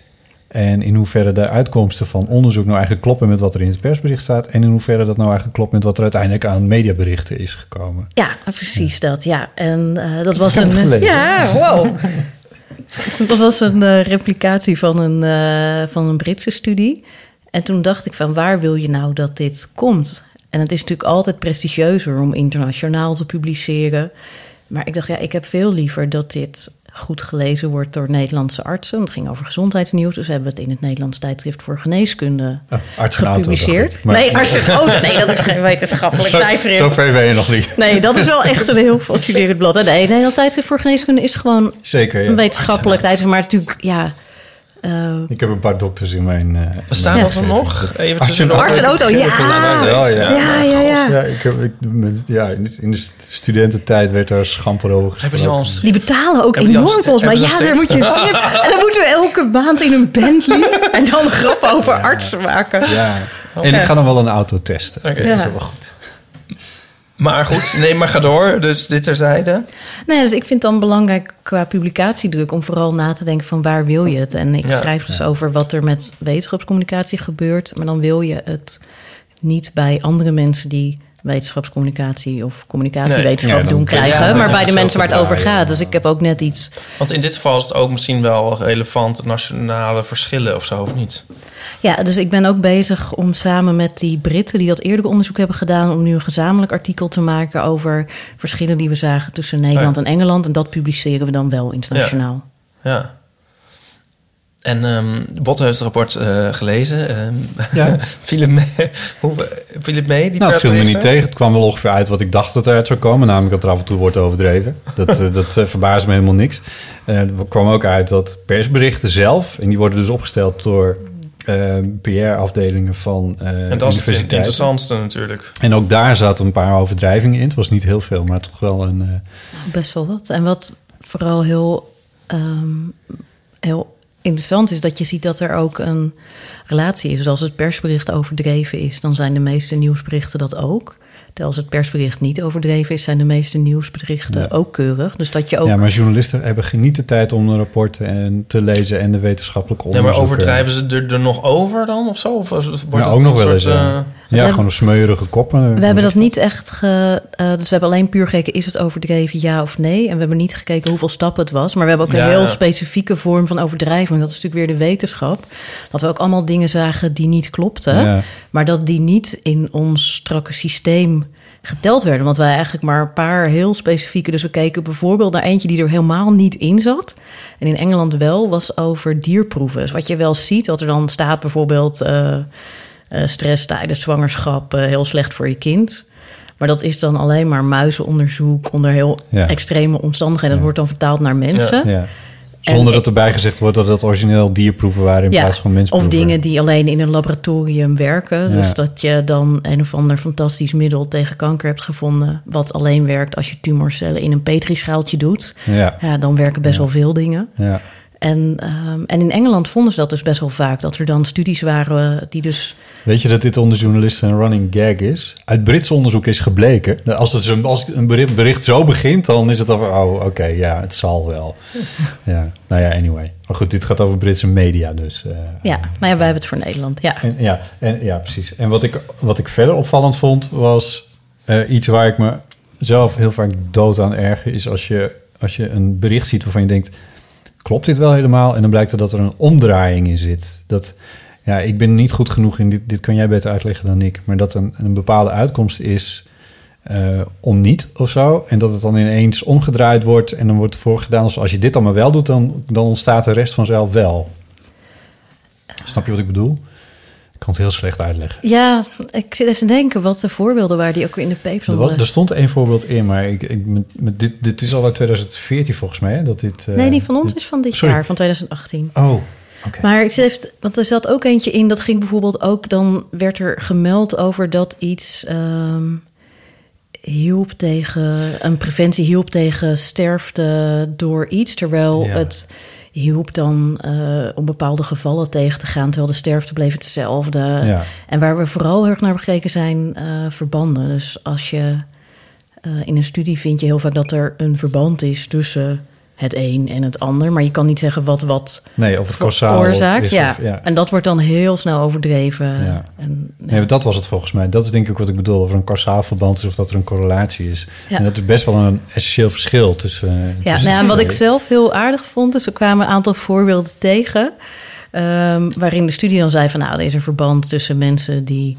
Eh, dus er was bijvoorbeeld een verband tussen ehm, minder kans hebben op Parkinson krijgen en Ja. een creatief beroep hebben op latere leeftijd. ja. En dan stond in de Telegraaf eh, dat eh creatief beroep beschermt tegen Parkinson. En vervolgens zeiden die onderzoekers daar dan ook over van ja, want dan was er weer zo'n factcheck van de Volkskrant die dan weer de Telegraaf ging zitten checken. En dan zeiden die onderzoekers ja, klopt helemaal niet wat er in de media staat. Maar dan keek je naar het persbericht en daar werd toch ook echt een kausaal verband Oh, gesuggereerd. ja. Oké, dus dat lag niet aan de telegraaf. Nee, nou ja, niet alleen. Nee. Ja. nee. En dat is ook. eh, en wat ik zelf wel aardig vond om te merken, is hoe snel je het zelf fout doet. Dus we hadden deze hele studie gedaan. En toen moesten we zelf een persbericht maken. Dus wij dachten, oh, dit moeten we echt. Ja. Ik heb nog overwogen om als grap twee persberichten uit te sturen. Eentje die heel erg overdreven was en eentje die niet overdreven was. Om te Ja. kijken. Want we hebben bijvoorbeeld ook gekeken naar of je meer media-aandacht krijgt als je overdrijft. Dat is natuurlijk ook relevant om te weten. Nou, wat, Nou, wat denk je? In Engeland was er nul effect. En bij ons was het Oh, echt? echt nipt significant. Dus het was een heel klein Oh. effectje. En, maar je weet niet waardoor het komt. Want het kan natuurlijk ook zo zijn dat alleen maar dingen die heel saai zijn overdreven worden. En dat Ja. dingen die van zichzelf gaaf zijn, die hoef je niet te overdrijven. En die komen toch wel in de Ja. media. Dus dat is. En dat, dat merken wij dus ook. Dat we bijvoorbeeld zagen van ja, als het persbericht netjes is, dan is het nieuwsbericht meestal ook netjes. Maar je hebt niet bewezen dat die journalist dat persbericht heeft gelezen. Dus je kan niet zeggen dat persbericht zorgt ervoor dat een beter in de media komt. Want dat weet je niet. Nee. Dus, Nee. En echt elke keer als we daarover praten... Dus ik durf ook te wedden als ik het terugluister... dat ik het ook nu per ongeluk een paar keer verkeerd zeg. Omdat gewoon als je erover praat... Ja. Gaat ja. dit zo snel mis? genomen weet je het niet, maar ja, je mag er natuurlijk wel Nee, dat mag je niet als wetenschapper. gevoegd... Nee, jij niet, maar je mag er Oh, wel jullie wel. gevoeglijk van uitgaan dat het... Ja, kom op. zie je gelijk wat er misgaat met journalisten. Nou, Maar je kan daar, dat kan je ook tot op zekere hoogte weer onderzoeken, toch? Of, Ja. eh, ja. Nee, dus dat wordt, maar dat is weer heel lastig om in de echte wereld te doen. Je gaat, dus is in Engeland zijn ze dat aan het proberen om dan echte en veranderde persberichten uit te sturen en te kijken wat er gebeurt. Maar het is allemaal heel ingewikkeld. Je gaat niet expres slechtere persberichten maken Nee. voor je onderzoek en naar alle kranten Nee. sturen. nee, nee, maar je kan wel de praktijk... Misschien kan je oh, eh, gewoon... ehm, ja, ik weet het niet hoe. Nee, er zijn wel experimenten. Dus ze hebben bijvoorbeeld dan een groep eh, journalistiekstudenten. En die moeten dan een newsroom naspelen. En dan Ja, krijgen ze ja. persberichten Ja. binnen Ja. in een inboxje. En dan krijgen ze er twintig. En dan moeten ze kiezen van welke vier ga je een nieuwsbericht Ja. maken. En dat moeten ze dan ook doen. Dus dat kan je dan wel doen. Ja. Grappig is, ik, ik schrijf wel eens een opiniestukje voor het een of het ander. En dan eh, eh, ben ik dit wel eens aan het reverse engineeren eigenlijk. Van wat er nou eigenlijk is gebeurd. Want dat er dan ergens een nieuwsberichtje is. Een heel, heel, heel pregnant voorbeeld is eh, eh, een nieuwsberichtje over hoe. Oh, dit is nou ja, goed, ik zeg het maar gewoon. Maar de, eh, in hoe, hoeveel, van, hoeveel van het homogeweld nu eigenlijk wordt veroorzaakt, of het anti-homo-geweld, wordt veroorzaakt door, eh, door mensen met een eh, autochtone, allochtone achtergrond of een autochtone achtergrond. En die verhouding daartussen. Nou, daar zijn al heel veel, als je dat gaat googlen, dan kom je op heel veel nieuwsberichten terecht die daar al iets over hebben gezegd. En dat is allemaal terug te voeren op één politieonderzoek van een aantal jaren geleden en één onderzoek wat onder Amsterdamse gevallen is gedaan van onderhand tien jaar geleden. Eh, en maar ik heb, dat, ik heb die onderzoeken, ben ik toen, om, toen ik er zelf wat over ging schrijven, heb ik dat zelf even gelezen van, maar wat staat daar nou precies? En dan kom je er dus achter dat soms dingen echt best wel genuanceerd liggen. Eh, en dat sommige uitspraken, dat kun je gewoon niet hard maken. En dat waren dan nog niet eens overdrijvingen. Maar in dit geval, omdat het dan ook nog zo'n pregnant onderwerp is, eh, is het dan best wel belangrijk dat je precies weet hoe het... eh, hoe het, het kun je misschien wel herinneren, Ipe. Ja. We hebben vorig jaar hebben wij bij eh, Met het Oog op Morgen gezeten. Met, Ja. met, was er nog Ja, een- met, met na- Taken. ja, toen, dat was naar aanleiding van de... En Taken. Ja, de de- schippers een chameleon. De chameleon, die toen was dat naar aanleiding van die jongens in, in Arnhem die in elkaar geslagen ja. waren. En eh, toen heb ik, weet ja, toen zeker. was ik bezig met een documentaire, ook over dit onderwerp, over, over anti-homo-geweld. En toen heb ik voor de mic- studiomicrofoon daar ook uitgelegd hoe complex dit eigenlijk wel is. Kun je dat herinneren? Nee. Maar dat is nee, ik vaak... kan het wel herinneren, maar ik zit maar dat is echt aan wel gek, hè? Want ik, ik zit ook vaak eh, in dingen van het Centraal Bureau voor Statistiek. Ik zit Ja. ook in hun eh, eh, communicatieadviesraad. Ah, En ik hou heel erg van hun data. ja. Maar heel vaak heb je nou... Je zou gewoon denken, dit kan je er zo uithalen. Ja, vergeet het maar. En het is zo ingewikkeld. Want stel dat je dan een verhouding ziet... dan moet je die ook weer terug gaan rekenen... tot de verhouding in de samenleving. En wat Ja. vind je dan precies stellen en wat niet. En het blijkt allemaal zo warrige Ja, randjes... en niet geregistreerd uniform op een manier die je zou willen. ja, ja, of onderzoeken die over verschillende jaren toch net anders zijn uitgevoerd, waardoor ze niet met Ja. elkaar zijn te vergelijken. En je ziet dan ook waarschijnlijk uit één zo'n rapport... Dat, ik zie dat heel vaak, ook als ik dingen uitzoek... dat er dan overal staat dat 70% dit is. En dan lees je het terug... En dan blijkt het ten eerste geen 70% geweest zijn geweest, maar 67% of zo. Wat iemand dan een keer afgerond heeft. En het blijkt inderdaad over, eh, ja, inderdaad, eh, zwaar christelijke jongen in Stadskanaal eh, tussen de 15 en 80. eh, Ja. dat, je, Ja. dat je echt denkt, ja, En vooral de grootte van onderzoeksgroepen. Ja. Dat is soms ook, ook schokkend. Dat is trouwens ook iets wat we in die studie hebben meegenomen, maar niet hebben gebruikt. Hoe vaak dat genoemd werd, dat vond ik ook iets. Als Hoe je, groot je onderzoekgroep is. Ja, dat, dat als je Ik een nieuwsbericht over altijd iets weten. tijd... En het staat zelden in persberichten. We hadden zelfs, dat was het bizarste, dat we een wetenschappelijke studie vonden waar het niet in stond. Wauw. Je had er gewoon gaat wel- resultaten worden gezet... dat er gewoon nergens stond hoeveel proefpersonen het waren. Oh, gewoon nergens. Ja, dat Maar ja, ver. Er zijn natuurlijk ook best wel veel schandalen en dingen geweest rond universiteiten en hogescholen, toch op dat vlak. Oh ja, ik, ja, het is allemaal... Ja, daar word je wel... Ik volg er best wel veel van. En dat je er af en toe wel somber van wordt. Dat allemaal Ja. van die grotere zaken. Ik zat nu eh, eindelijk Thinking Fast and Slow van Kahneman te lezen. Heb jij dat niet ook gelezen? Nee. Oh, nou ja, ik dacht dat moet ik eindelijk ik heb een toch keer lezen. herlezen. Eh, nou, dat is dus echt zo'n klassiek boek over... Of, eh, klassiek, het is inmiddels een paar jaar oud... maar over psychologie en over hoe je beslissingen neemt... en hoe je intuïtie je vaak eh, het fout heeft. Maar ik zat het te lezen en ik kwam gelijk tien dingen tegen. Ik dacht, oh, dat zijn die studies die net in het nieuws waren... omdat ze allemaal niet herhaalbaar waren. Oh. Omdat ze allemaal niet overeind blijven. En allemaal van die studies uit de jaren zeventig... met van die grootste resultaten... Ja. Eh, met allemaal dan ja, 30 proefpersonen. En dat waren dan 30 eerstejaarsstudenten natuurlijk ook nog eens. Ja, Dus dus- dit boek hoeven we ook niet meer te lezen. Nou, er is een soort review die laat zien per hoofdstuk hoe goed het is. En sommige hoofdstukken krijgen een 9 en sommige een 2. En wat het meest ironische is, dat Kahneman zelf in de jaren 70 heeft onderzocht dat wetenschappers net zo slecht zijn in, eh, in onbevooroordeeld statistiek bedrijven als ieder ander. En dat hij dan desondanks zelf nog intrapt. Hij heeft wel een Ah. Nobelprijs, dus hij kan wel wat. Maar het is wel, eh, het is wel om wel- somber van te worden. Ja, Als je het zit te lezen, dat je dan denkt... hé, hey, maar wacht, dit... Want het gaat dan bijvoorbeeld heel erg over priming. Dus je hebt die... eh, dat was een studie ook in Nederland... over als je mensen ehm, eerst zich... Ik weet nooit precies hoe het precies was... maar in ieder geval de professor prime. Dat ze eerst zich een beetje moeten verplaatsen... in hoe het is om een professor te zijn. En daarna moeten ze dan een soort triviantachtig spel doen... dat ze het dan beter zouden kunnen... Dan als je je verplaatst in hoe het Ja. is als je een hooligan bent. Maar dat blijkt allemaal totaal niet herhaalbaar. Dat hele priming is allemaal heel subtiel en ingewikkeld. En Maar ook, dit, dit is natuurlijk wel, dit is wel de ondermijning van het hele. Van de, ik bedoel, die uitspraken die de laatste jaren echt eh, eh, opgang vinden als wetenschap is ook maar een mening. Waar ik altijd heel boos van word als iemand dat zegt. Dat, dat, dat wordt zo vaak over Twitter gesmeten. Dat is misschien wel de basis van jouw eh, leerstoel. Ja, nou, ik kijk vooral naar wat er misgaat in de communicatie erover. En je hebt inderdaad andere mensen heel erg met dat vertrouwen bezig zijn. En ik... Ja, ja Een dat deel, is natuurlijk kijk, eigenlijk wat anders. En de pest is natuurlijk dat... Kijk, het ligt heel erg aan wat voor wetenschap je spreekt. Kijk, wiskunde, dat is geen mening. Natuurkunde ook Ja. niet. Maar heel veel andere vakgebieden. Kijk, Ja. zelfs in de wiskunde werk je van aannames en van hypotheses. En je definieert dingen op een bepaalde nou manier. afvallen hier als beta? Nee, Terecht. het hoort, nee, maar het hoort bij de wetenschap dat je bepaalde aannames doet. En ik vind het juist heel bewonderenswaardig van de sociale wetenschap op dit moment... dat die heel erg kijken naar hoe ze het wel goed kunnen doen. En dat ze nadenken Ja. van wat is nou echt een effect... en Ja. wat, hoe laten we zien dat iets echt, dat iets echt wel iets is... in plaats van... Ja. Ik, ik kan me herinneren van toen ik in Groningen kwam studeren, was kort daarvoor bij de eh, afdeling of eh, opleiding psychologie was er een. God, hoe heet het nou weer? Vergeet het elke keer. Als we kwamen kijken om te controleren. Hoe heet dat nou? Visitatie. Is dat, heet dat visitatie? Oké. Ja. Daarom vergeet ik het waarschijnlijk.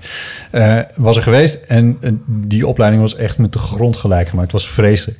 Toen hebben ze Groningen zo aangepakt dat er vanaf toen eh, helemaal op methodiek en statistiek werd ingezet. En dat heeft voor een behoorlijke shake-out onder de studenten gezorgd. Daar. Want Groningen kwam ineens bekend staan, psychologie Groningen, als een van de zwaarste studies psychologie in Nederland. Eh, omdat daar zo op die getallen werd gezeten en zo op, eh, op, op wiskundige... Of Dat is wel grappig, want ik werk heel veel met een statisticus die in Groningen bij psychologie Oh, werkt. echt? Ja, ik Dus ben altijd kent heel jaloers op wat hij zijn studenten. Nee, ik wist dit niet, maar ik Ja. weet wel dat hij echt heel goed is en dat ik ook wel eens eh, het bijna gênant vind dat mijn beta-studenten dus helemaal dit soort dingen niet zo heel goed kunnen. Ja, ja. Maar ik spreek ook wel eens, ik durf het bijna niet te zeggen, studenten, mediastudies-achtige dingen en zo. En van echt best wel heel erg softe studies, maar dan wel universitair. Die inderdaad, die dan toch wel het idee hebben dat, dat natuurkunde en wiskunde eigenlijk net zo, zo zacht zijn als hun eigen onderwerp. Maar tegelijkertijd is het ook makkelijker. Ik heb heel grappig eh, Julia Kramer, die is gepromoveerd in de kwantumfoutcorrectie business in Delft. Eh, helemaal, eh nou ja, weet echt veel van alle ingewikkelde kwantumdingen.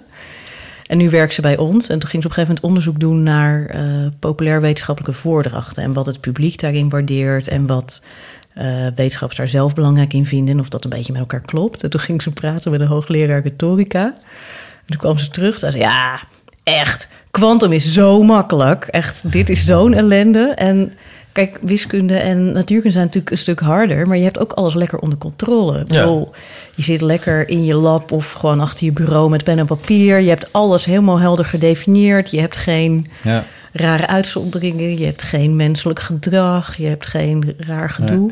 Nee, maar goed, je kan dat alles is dat- testen wat je wil. Ja, dat is dus het lekkere eraan. Ja, maar, ja, maar het is...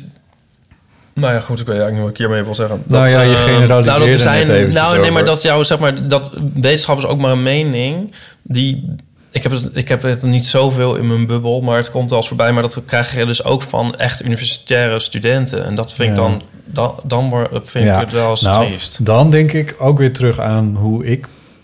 Ik heb wel eens met Ik- een universitair student gepraat die zei van... eh, ja, misschien heeft deze steen ook wel bewustzijn. Nou goed, dat kan je ook wel zeggen. het is anekdotisch ja, bewijsmateriaal. ja, dat is- ja, maar maar, toen ik in Groningen kwam studeren, toen had ik er al een HBO op zitten, net als veel studiegenoten daar eh, toen de tijd eh, mijn eh, in, in dezelfde leergang ook hadden. En er waren een aantal daar die van, van mijn collega-studenten, ja, graag nog een kopje thee. Die, die zeiden, ja, de universiteit, wat stelde nou ook helemaal voor? Terwijl ik kwam daar en ik vond het fantastisch. En ik ging allemaal extra vakken doen. En, en bij psychologie een vak. En bij, bij eh, eh, filosofie heb ik een vakken gevolgd. En ik dacht, dit is één... En het klinkt heel romantisch en, en heel, heel idealistisch. Maar ik zag het echt als een enorme soort samenballing van, van iets waar, enorm, waar ik enorm mijn voordeel mee kon doen en waar ik, waar ik kennis uit kon halen. En ik heb me daar helemaal op gestort. En ik vond het fantastisch.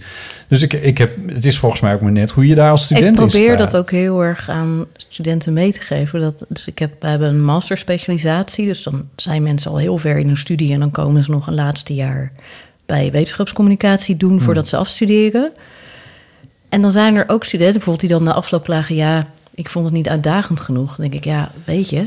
we geven alle opdrachten zo dat als je niet eh, geniaal bent... maar wel je best doet, dan kan je een zes halen. En als je niet je best doet en geniaal bent, kan je ook een 6 halen. Maar als je geniaal bent en je best doet, dan kan je een 10 halen. Maar ja, Ja. dan moet je wel Ja. iets gaan Ja. doen. En als jij dan een beetje achterover leunt en er niks van maakt. eh, Nee. Het zijn er wel trouwens maar weinig. De meeste van onze studenten Ja. hebben er inderdaad ook zin in en doen extra vakken. En gewoon, ja, dat is ook echt zo Ja. zonde als je dat niet Ja, doet. Nee, ik vond dat, ik vond dat, want ik heb dus en op HBO gezeten en op, eh, op WO. En ik vond WO vond ik echt, wat dat betreft, vele malen interessanter. En ik heb echt spijt dat ik niet, eh, nou ja, voor zover dat er dan überhaupt ooit in had gezeten, maar misschien wel eh, naar de HAVO toch VWO had gedaan en dan meteen naar de universiteit was gegaan. En daar meer jaren had door kunnen brengen dan ik nu heb gedaan. Dat, had je het misschien niet zo gewaardeerd. Nee, dat is misschien ook weer zo daarom. Je moet dat soort dingen ook eigenlijk niet. Maar ik had meer jaren aan een universiteit willen doorbrengen. Dat is in ieder geval wat. Ik heb wel heel wat jaren aan de universiteit doorgebracht. Ja, daar was ik al bang niet voor. wat Hoeveel eh, jaren waren dat er, eh, ik weet niet of die allemaal even doelmatig besteed zijn geweest. Je was, je was niet een tiendejaars niet te paard naar de universiteit Ja, mocht dat komen. zo'n beetje. Mooi was dit, hè? Ja. Hey, we hebben nog een uh, flink aantal berichten, waaronder over eh, namen, want daar gaan we het zo meteen zeker Oh. ook nog over. Oh. God. Maar deze gaan we eerst eventjes doen. Hey Botte, Ipe en Jonica. Dit is Jonica. Ik had een vraagje voor jullie. Ik hou heel erg van zelfreferentie. En dan vroeg ik me af, eh hou jullie daar eigenlijk ook een beetje van? Nou, fijne avond. Dag. Ik moest wel heel hard lachen toen ik deze hoorde. Wat grappig. Ik zeg, ja, die stem ken ik. Is het, ik weet is dat Botte Jellema geestelijk? dit heel leuk vindt, dit soort dingen. Ja, ja dat is wel waar. En Ipe had ik ook wel op gehoopt dat hij het grappig zou vinden. Ik vind het ook gewoon... Ik ben onvoorbereid, dus ik heb zo gauw helemaal geen geestige, geestige reply. Oh, normaal. Dat, oh ja, ja. Nee, Ja, dat was ook eigenlijk in een de beetje volgende de uitzending, ja. Eh, zullen we het over namen hebben? Kan- nee, nee, wacht even. wc. Oh. Eh, nee, je, je moet heel even blijven Ja, zitten oh. nog. Eh, want eh, er kwamen... eh, even kijken hoor, er zijn een paar ook postberichtjes. Eentje van Diederik, die je in de trailer nog even aanhaalde. Kun je dat herinneren? Ja. Jij was namelijk naar een feestje geweest waar, Ja. waar Diederik, waar je over Ja. zei dat er niks aan was. En toen zei je, nee, dat mag ik niet zeggen, want dan zal Diederik het wel weer stom vinden. Ik vond het heel leuk, het feestje. Dat vroeg hij. Oh. Vind je het feestje wel echt leuk? Want je reactie deed anders vermoeden. Blij dat... Wat staat er? Blij dat je mij er weer met de haren bij sleept. Ja. Daarom zei ik dat, denk ik dan. Ik heb die trailer niet teruggeluisterd. Je hebt de trailer niet teruggeluisterd? Nee, Ja. ik weet niet wat ik daar weer in beweerde. Ja, zoiets. Het feestje Eh, was erg leuk, ja. Het feestje was ik erg kan leuk. nog steeds Is- met de gevolgen ervan. Is Burning heet het feestje. Zoals je wel ziet. Ik zat eigenlijk, ik vergeet altijd dat we ook nog, dat we ook nog. Ik zat eigenlijk te denken Zes van, ik dagen hoef, geleden. Ik hoef, Zes me, dagen. ik hoef mijn haar niet te doen, ik hoef me niet te scheren en zo. Dat is maar een podcast. Maar ik was eigenlijk vergeten. Dat Maar je voor ziet er heel fly uit. ik zie er heel fly uit, bedankt. Ja, zie ik er wel dik uit? Diederik heeft ook nog een vraag aan jou. Oh. Eh, Jonica, Of ik op zijn feestje wil komen. ben, ben je ook dol op lijstjes? Of is dat niet gerelateerd aan wiskunde en is je... eh, eh, oh, oh, ja, nee, ja. Ben je dol op... Is dat? Ben je dol op lijstjes? Wissellijstjes? Ja, gewoon lijstjes van dingen. Ja. ik heb het wel, maar ik, ik bedwing het heel erg. Dus ik zag bijvoorbeeld ook vandaag had eh, iemand op Twitter... dat je dan ook vanaf 2000 je favoriete albums per jaar... van 2000 tot 2010. En dan zag ik zo'n lijstje Oh, van ja. Lucky Fons... en dat er allemaal heel leuke dingen tussen staan. dacht ik gelijk, oh, dat moet ik ook gaan maken. En Dan, maar dat, dat doe ik dan niet. Maar Nee. ik maak wel bijvoorbeeld elk jaar aan het eind van het jaar... een lijstje van de beste boeken die ik heb gelezen. Ik maakte vroeger ook lijstjes van de tien beste wiskundige voordrachten... die ik dat jaar had gezien. en herinner daar schreef ik dan ook een stukje over. Ja, ik herinner me dat je ook li- allemaal lijstjes had gemaakt... toen Ipe zijn tienjarig bestaan vierde. Ja. Oh ja, god. Dat waren ook ja. allemaal lijstjes volgens mij. Ja, ja, oké. nee, dus het antwoord is ja. Diederik, ja, ja. Diederik, ja, ik hou Ja. van lijstjes. Of is Ja. dat niet gerelateerd aan wiskunde? Volgens mij is dat wel gerelateerd aan wiskunde. Ja, het is denk ik ook aan een soort persoonlijkheid. Ja, Eh, en dat is dat. Ik denk dat de achterliggende variabele inderdaad een soort persoonlijkheid is. Ja, dat is misschien eh, wel waar, ja. En Wat is je favoriete getal? Excuus voor de clichévraag, maar ik ben toch benieuwd of iemand die zoveel met getallen bezig is, nog een duidelijke voorkeur heeft. Wellicht heb je dat al 10.000 keer kenbaar gemaakt en is me dat helaas on- dan is me dat helaas ontgaan. Heb je een favoriet getal? Ja, weet jij die eigenlijk? Nou, ik denk dat als je het zegt, dat ik dan denk van... oh ja, dat weet ik. Het zal wel weer een priemgetal zijn. Nee, het is eh, 1729. 1729, was dat een of ander rampjaar? Oeh, er komt ineens van alles terug. Hebben we het hier niet een keer over gehad? Nee, het is Dat- geen... oh, 1792 was een eerste rampjaar. jaar aan de universiteit. Ja, dit heb je ook al een keer gezegd. Wat gebeurt er? Nee, maar 1729. het is, ehm, het is namelijk een getal met een verhaal. En daarom vind ik, ik hou heel erg van de verhalen bij getallen. Wil je het verhaal vertellen? Ja, het, het, ehm, het is trouwens ook een, ehm, een verhaal wat veel in de, ehm, ik weet niet, heet dat homoseksuele literatuur of literatuur over homoseksualiteit. Er is ook een heel boek over geschreven, Eh, over eh, Hardy en Ramanujan. Eh, Ramanujan, dat was een Indiaas genie. En die had uit zichzelf allerlei wiskunde bedacht, terwijl hij nauwelijks een goede opleiding had. En die had het naar allerlei beroemde wiskundigen gestuurd. Dit is dus heel lang geleden. Of lang, maar... eh, Ergens rond 1729. Nee, eh, 1900 nog wat. Oh. En, ehm, en toen, eh, nou, de meeste wiskundigen hadden dat weggegooid, omdat het zo krankzinnig was. En toen was er één man, eh, Hardy dus, die, eh, een Brit, en die las het en die dacht, nou, er zijn twee mogelijkheden. Of dit is een geniale wiskundige, of het is een briljante bedrieger. En in allebei de gevallen wil ik deze man ontmoeten. En die heeft hem toen naar Engeland gehaald. En is dus een hele roman die dan een beetje over een soort homoseksuele connotatie praat... die er volgens mij uit de geschiedenis niet is. Maar dat kun je er wel bij schrijven om het nog mooier te maken. En toen werd eh, die Ramanujan werd op een gegeven moment daar heel ziek in Engeland... Ehm, een combinatie van dingen, maar die lag daar doodziek in het ziekenhuis. En toen ging die Hardy bij hem op bezoek. En die Ramanujan die hield echt heel erg van getallen. Die zag echt bij getallen allerlei patronen en allemaal dingen. Dus heel intuïtief, die anderen niet zagen. En Hardy wilde hem toen opvrolijken met iets leuks van een getal. En die had een eh, taxi met als eh, taxinummer 1729. Die komt dus binnen en daar ligt die doodzieke Indiaanse man. En hij zegt, ja, ik wou eigenlijk iets leuks zeggen over een leuk getal. Ik zag 1729 als taxinummer, maar ja, ja weet je, wat kan je daar nou mee? En toen zei die doodzieke man dus onmiddellijk... oh, maar dat is echt een leuk getal. Mm. Dat is het kleinste getal wat je op twee manieren... als de som van twee derde machten kan schrijven. Wat een leuk getal. Dus, eh, Oké, en dat klopt ook, dat is zo. Dat klopt ook, ja. En wat, Nee, dat niet. Nee. ja. nee, dat zou het verhaal wel minder goed maken. Ja, ja.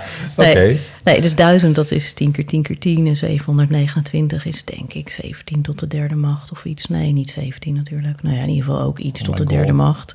Ja. En ehm, ik kan trouwens helemaal niet goed hoofdrekenen, maar dat is Iep in de trailer Ja, al ik, ben gezegd. al heel, erg- ik ben al erg onder de indruk van wat je net deed. Dus Ja. dat is op prima. Maar, ehm, ehm, maar ik vind waarom ik dus dan dit als lievelingsgrap is, omdat ik dit eigenlijk zo'n zo mooi vind illustreren. Dat als je echt heel erg van iets houdt, dat je achter elk dingetje ervan een verhaal ziet. En dat ik altijd, weet je, ik heb dat dan ook met getallen niet zo erg als Ramanujan, maar ik, ja, getallen hebben voor mij heel veel betekenis en die dingen die erachter zitten. Maar dat je beseft dat heel veel mensen dat hebben. Dus ik denk ook altijd als er een man is die in een appelsappakjesfabriek werkt, dat die waarschijnlijk heel veel dingen weet over zo'n pakje, hoe dat precies werkt en hoe zo'n naadje dan moet zitten. En als die dan echt een goede dag heeft, dat hij daarover mag vertellen, dat dat. En dat je zo van de kleine dingen in je, in je werk kan houden. Ja, ja, ja. Ehm, nu je het- pas helemaal op het einde heb ik, wist ik inderdaad van ja, dat heb ik al een keer gehoord of gelezen. Dat is Maar een goed. slecht moment, maar goed. Ja. Nee, ja, nee, ja, ik was, nee, want toen kon Oh ik ja, er oh ja, helemaal. nu weet ik het weer. ja, nee, ja. Anyway, ja, maar dat is net als met, met ehm, altijd met, met krimis. eh, Gingen mijn ouders dan kijken en dan pas helemaal, als het helemaal af was, wisten ze zeker of ze hem wel of niet al een keer gezien hadden. Ja. Maar goed, ja, dat heb Ja. ik nu met, met Agatha Christie ook wel eens. Maar meestal heb ik ze toch wel gezien. Anyway, die, daar is ook een film van, toch nu, die man. Ja, met Stephen Fry ook erin, toch? Is dat zo? Ja, volgens mij was Fry altijd aan het werk. Maar ik, heb, ja, ik, moet, ik hou nooit zo van Nee, films over wiskundigen. nee, want dan, nee, dat denk ik ook niet. Nou ja, ja, Ja. ik wou zeggen, heb jij het zelfs met films over fotostripmakers, maar er Ja, zijn oh er ja, natuurlijk ja. niet zoveel van. Maar Nee, maar ik heb het wel die met film- films over die heb ik eh, niet gekeken. genieën, zeg maar, zogenaamd. Die, eh, die films zijn altijd heel erg. Dit raakt elkaar een beetje volgens mij. Want jij was ook heel boos over die film over Alan Turing. Oh, en jij hebt hem God, niet gekeken? Nee. Expres niet? Nee, ja, dan zeiden mensen, ja, je moet die film echt kijken. Ik denk, ja, Oh, ik heb drie Jezus. biografieën over Turing le- gelezen. Ik denk dat ik op zich genoeg weet over Turing. Oh. Ja. En dan zitten er inderdaad allemaal dingen in die totaal niet Hoe kloppen. meer je weet over heel- Turing, hoe, hoe, hoe erger die film wordt, ja. Nee, ik dacht ook, die moet ik echt niet gaan kijken. Volgens mij ga ik door het plafond. eh. Ja. Ja, met Aaron. Ja, wij kwamen echt, echt woedend de bioscoop uit. Allebei? Ja. Oh. Had hij Turing ook gelezen? Nee, bio- maar het is gewoon echt een draak van een Aaron film. vond hem op filmtechnische Ja, slecht. echt. Ja, nee, heel- ja. ja, maar dat is ook zo. Ja, gewoon dramaturgisch is het echt een draak van een film. Hm, Maar goed. Eens. Ehm, Maar ja, ik vond het wel weer mooi gezet of zo in die jaren. Dat is toch... Maar ik moet ook denken aan die... Enigma-verhaal is ehm, natuurlijk fantastisch. Ga verder. Ja, nee, nou moet ik ook denken aan die film over eh, de ons onlangs ontvallen Stephen Hawking. Met eh, Eddie Redmayne. Ja. Ehm, nou, daar moet ik nu aan denken. Die vond ik minder erg, maar daar wist ik weer, weer iets minder van. Ik heb bijvoorbeeld Heb wel... je die gezien? Die... Nee, ook niet. Nee, ik kijk ook eigenlijk... eh, ik kijk maar twee of drie films per jaar. Dus de kans dat ik een film die je noemt heb gezien is heel klein. Nee, nou ja, maar ja, goed. Ja, Ja. nee. Nee, dat was ook wel. Op een gegeven moment ook gevraagd om een top 5 van films van het jaar te maken voor een van de jaaroverzicht. En toen had ik alleen, Ja. had ik alleen Pieter Post dat jaar gezien. Toen was ik met mijn zoontje naartoe geweest. En Lego the Movie. Dat zegt? Pauline ook altijd met eh, George en Paul. Of Paul en George, weet het Ik nou? Die tekenfilmserie Ja. die ze Ja. kijkt. Maar ik, even over... Ja, Ja? ik weet ik, God, jullie hebben toch altijd heel veel tijd. Hè? Ja. Dus dan- Ja hoor, ja. Nee, wat... ehm, ken je de Bletchley Circle? Want dat staat Ja. op eh, Netflix. Want Ja. dat vond ik wel goed. Hoe heet het Ja. precies? Volgens mij de Bletchley Circle. Ja. Dat gaat over vrouwen die dan op Bletchley Park gewerkt hebben aan de... Dus aan dat... Dat is het Turing, Park voor Turing. Ja, en daar werkte dus... Wat heel gek is, Ja. in die tijd werkten daar heel veel vrouwen. Ja, Eh, ja want dat- de mannen waren allemaal naar het front Ja, gestuurd. en wat ook wel... ehm, dus in die serie gaat het dan over die vrouwen een aantal jaar later... en die gaan dan weer samen raadsels oplossen. Oké, er zit ook wel wat treurige wiskunde in. Maar wat ik vooral heel ontroerend ook vond... was dat die vrouwen dan tien jaar later... weer gewoon in de rol van huisvrouw zijn Ja. gedwongen... en niet kunnen vertellen over hun werk. Dat ze gewoon echt... eh, eh, ja, dus eigenlijk allemaal super gave spioneerdingen aan het doen waren. En dat ze dan nu zo'n man hebben die zegt... nou liever, doe jij lekker de kruiswoordpuzzel? Fijne dag. En dat, eh, daar zit je dan met je... Oh, wow. Nou, ja. dat was best wel een leuke eh, serie. Ik, het eerste, volgens mij is er nog een seizoen. Ja, er Het zijn er twee seizoen van. had ik Ja. gezien, ja.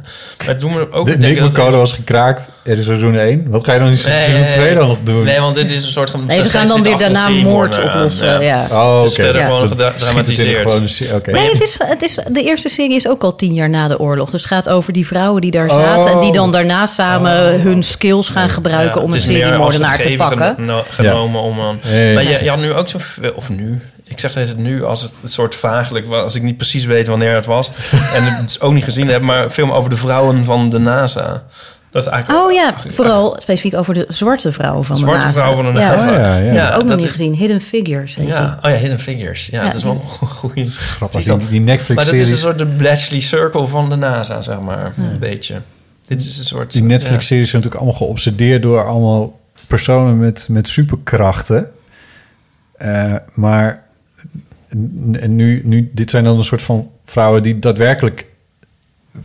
Nou ja, superkracht is wel heel sterk uitgedrukt... maar wel iets meer konden dan de rest, laten we het zo zeggen. Dat is natuurlijk wel iets toffer dan eh, zoals in Suits... Oh ja, Dit is een afschuwelijke serie is. Maar ja, die, ja, dat ken jij dan niet. Maar Dat ik ken ik er niet. niet heel veel uit. Nee, dit is, geen, dit is geen tip. Dat andere is wel een tip. Als jij, het over je, als jij over je naam gaat klagen, dan ga ik even naar de wc. Ja, dat is goed. Laten we dat, eh, laten we dat eh, even doen. Ehm, je hebt geen Pickwick thee. Oh, moet je een theezakje? Die heb ik ook. Heb je ook kunnen we nog even doen? Wij nemen niks mee. Ja, ik ben het vergeten. Zullen we het doen? Theezakje? Ja.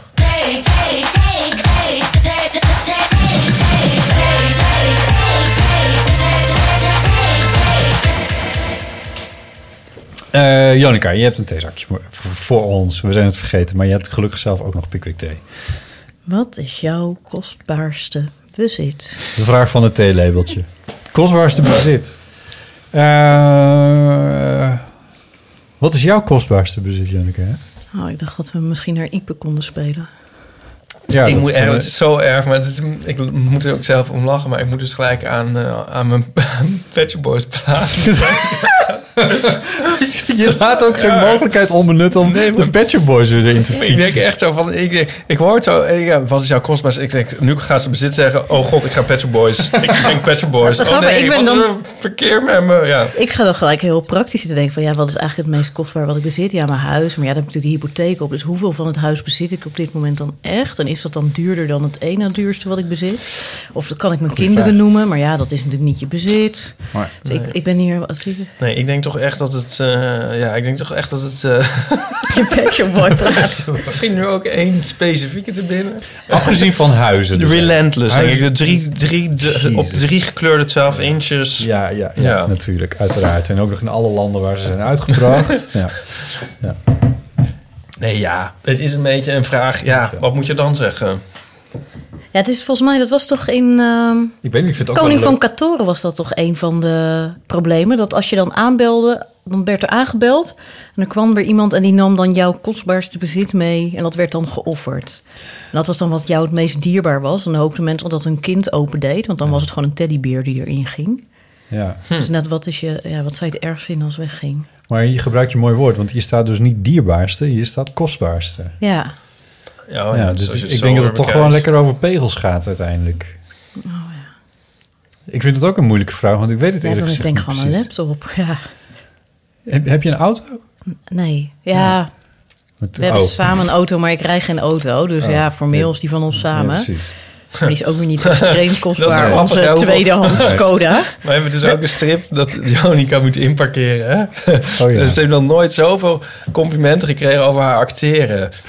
En die auto stond dus stil. Want mijn vriend had hem dus daadwerkelijk ingeparkeerd. Want dat kan ik niet. En zodra ik gewoon achter het stuur zat... kreeg ik gewoon alweer die complete blinde paniek Ja. over me heen. Oh, Eh, ja. Heb je, je hebt wel gelest ooit? Ik heb zelfs rijbewijs. Ik heb tien jaar gereden. Oh, oh Ja. ik dacht, je dacht dat je geen rijbewijs had, maar je, Nee. rij, oh nee, maar je rijdt niet. Je hebt rijbewijs. ik heb tien jaar gereden. En toen haalde mijn vriend zijn rijbewijs. gesproken. En die... eh, Ja. Die reed toen de eerste dag dat hij zijn rijbewijs had beter dan ik in die tien jaar ben gaan rijden. En toen leek het me een uitstekend moment om ermee te stoppen. Dit was echt een besluit, alsof je stopt met roken of zo. Ja, ja. Oh, ja dat wauw. is ook even gevaarlijk, denk ik. Nou, misschien, ja, nou. Voor mij. ja, oké. ja, precies. Oh, wat grappig. Ja. Weet je wat ik grappig vind van, eh, so- sorry, over kostbaarste bezit gesproken? Dat ehm, dan heb je zo'n iPhone of zo van, wat is dat waard? Ze- 700 euro of zo, Ja, zo'n ding, weet ik veel. Waar je dan echt van zo mee gooit en smijt, tenminste ik dan. Ja. En dan denk ik van, als, stel nou dat was een, eh, weet ik veel... Stel dat was een Pet Shop Boys LP of zo. En dan zouden het helemaal met fluwelen handschoenen en zo. Of het was een heel duur boek of zo. Of Ja. iets. Dat, eh, dat, is, dat is vreemd, hè? En ook er- soms de geschiedenis van dingen. Ik weet, het is eh, heel gek hoor, maar als student is een keer mijn kamer eh, is er ingebroken en toen is alles, eh, allerlei dingen zijn gestolen. Maar wat ik het aller, allerergst vond, wat er toen gestolen is, was heel zullig. Dat waren de spaarkaartjes van het Mexicaanse restaurant waar ik vaak ging eten.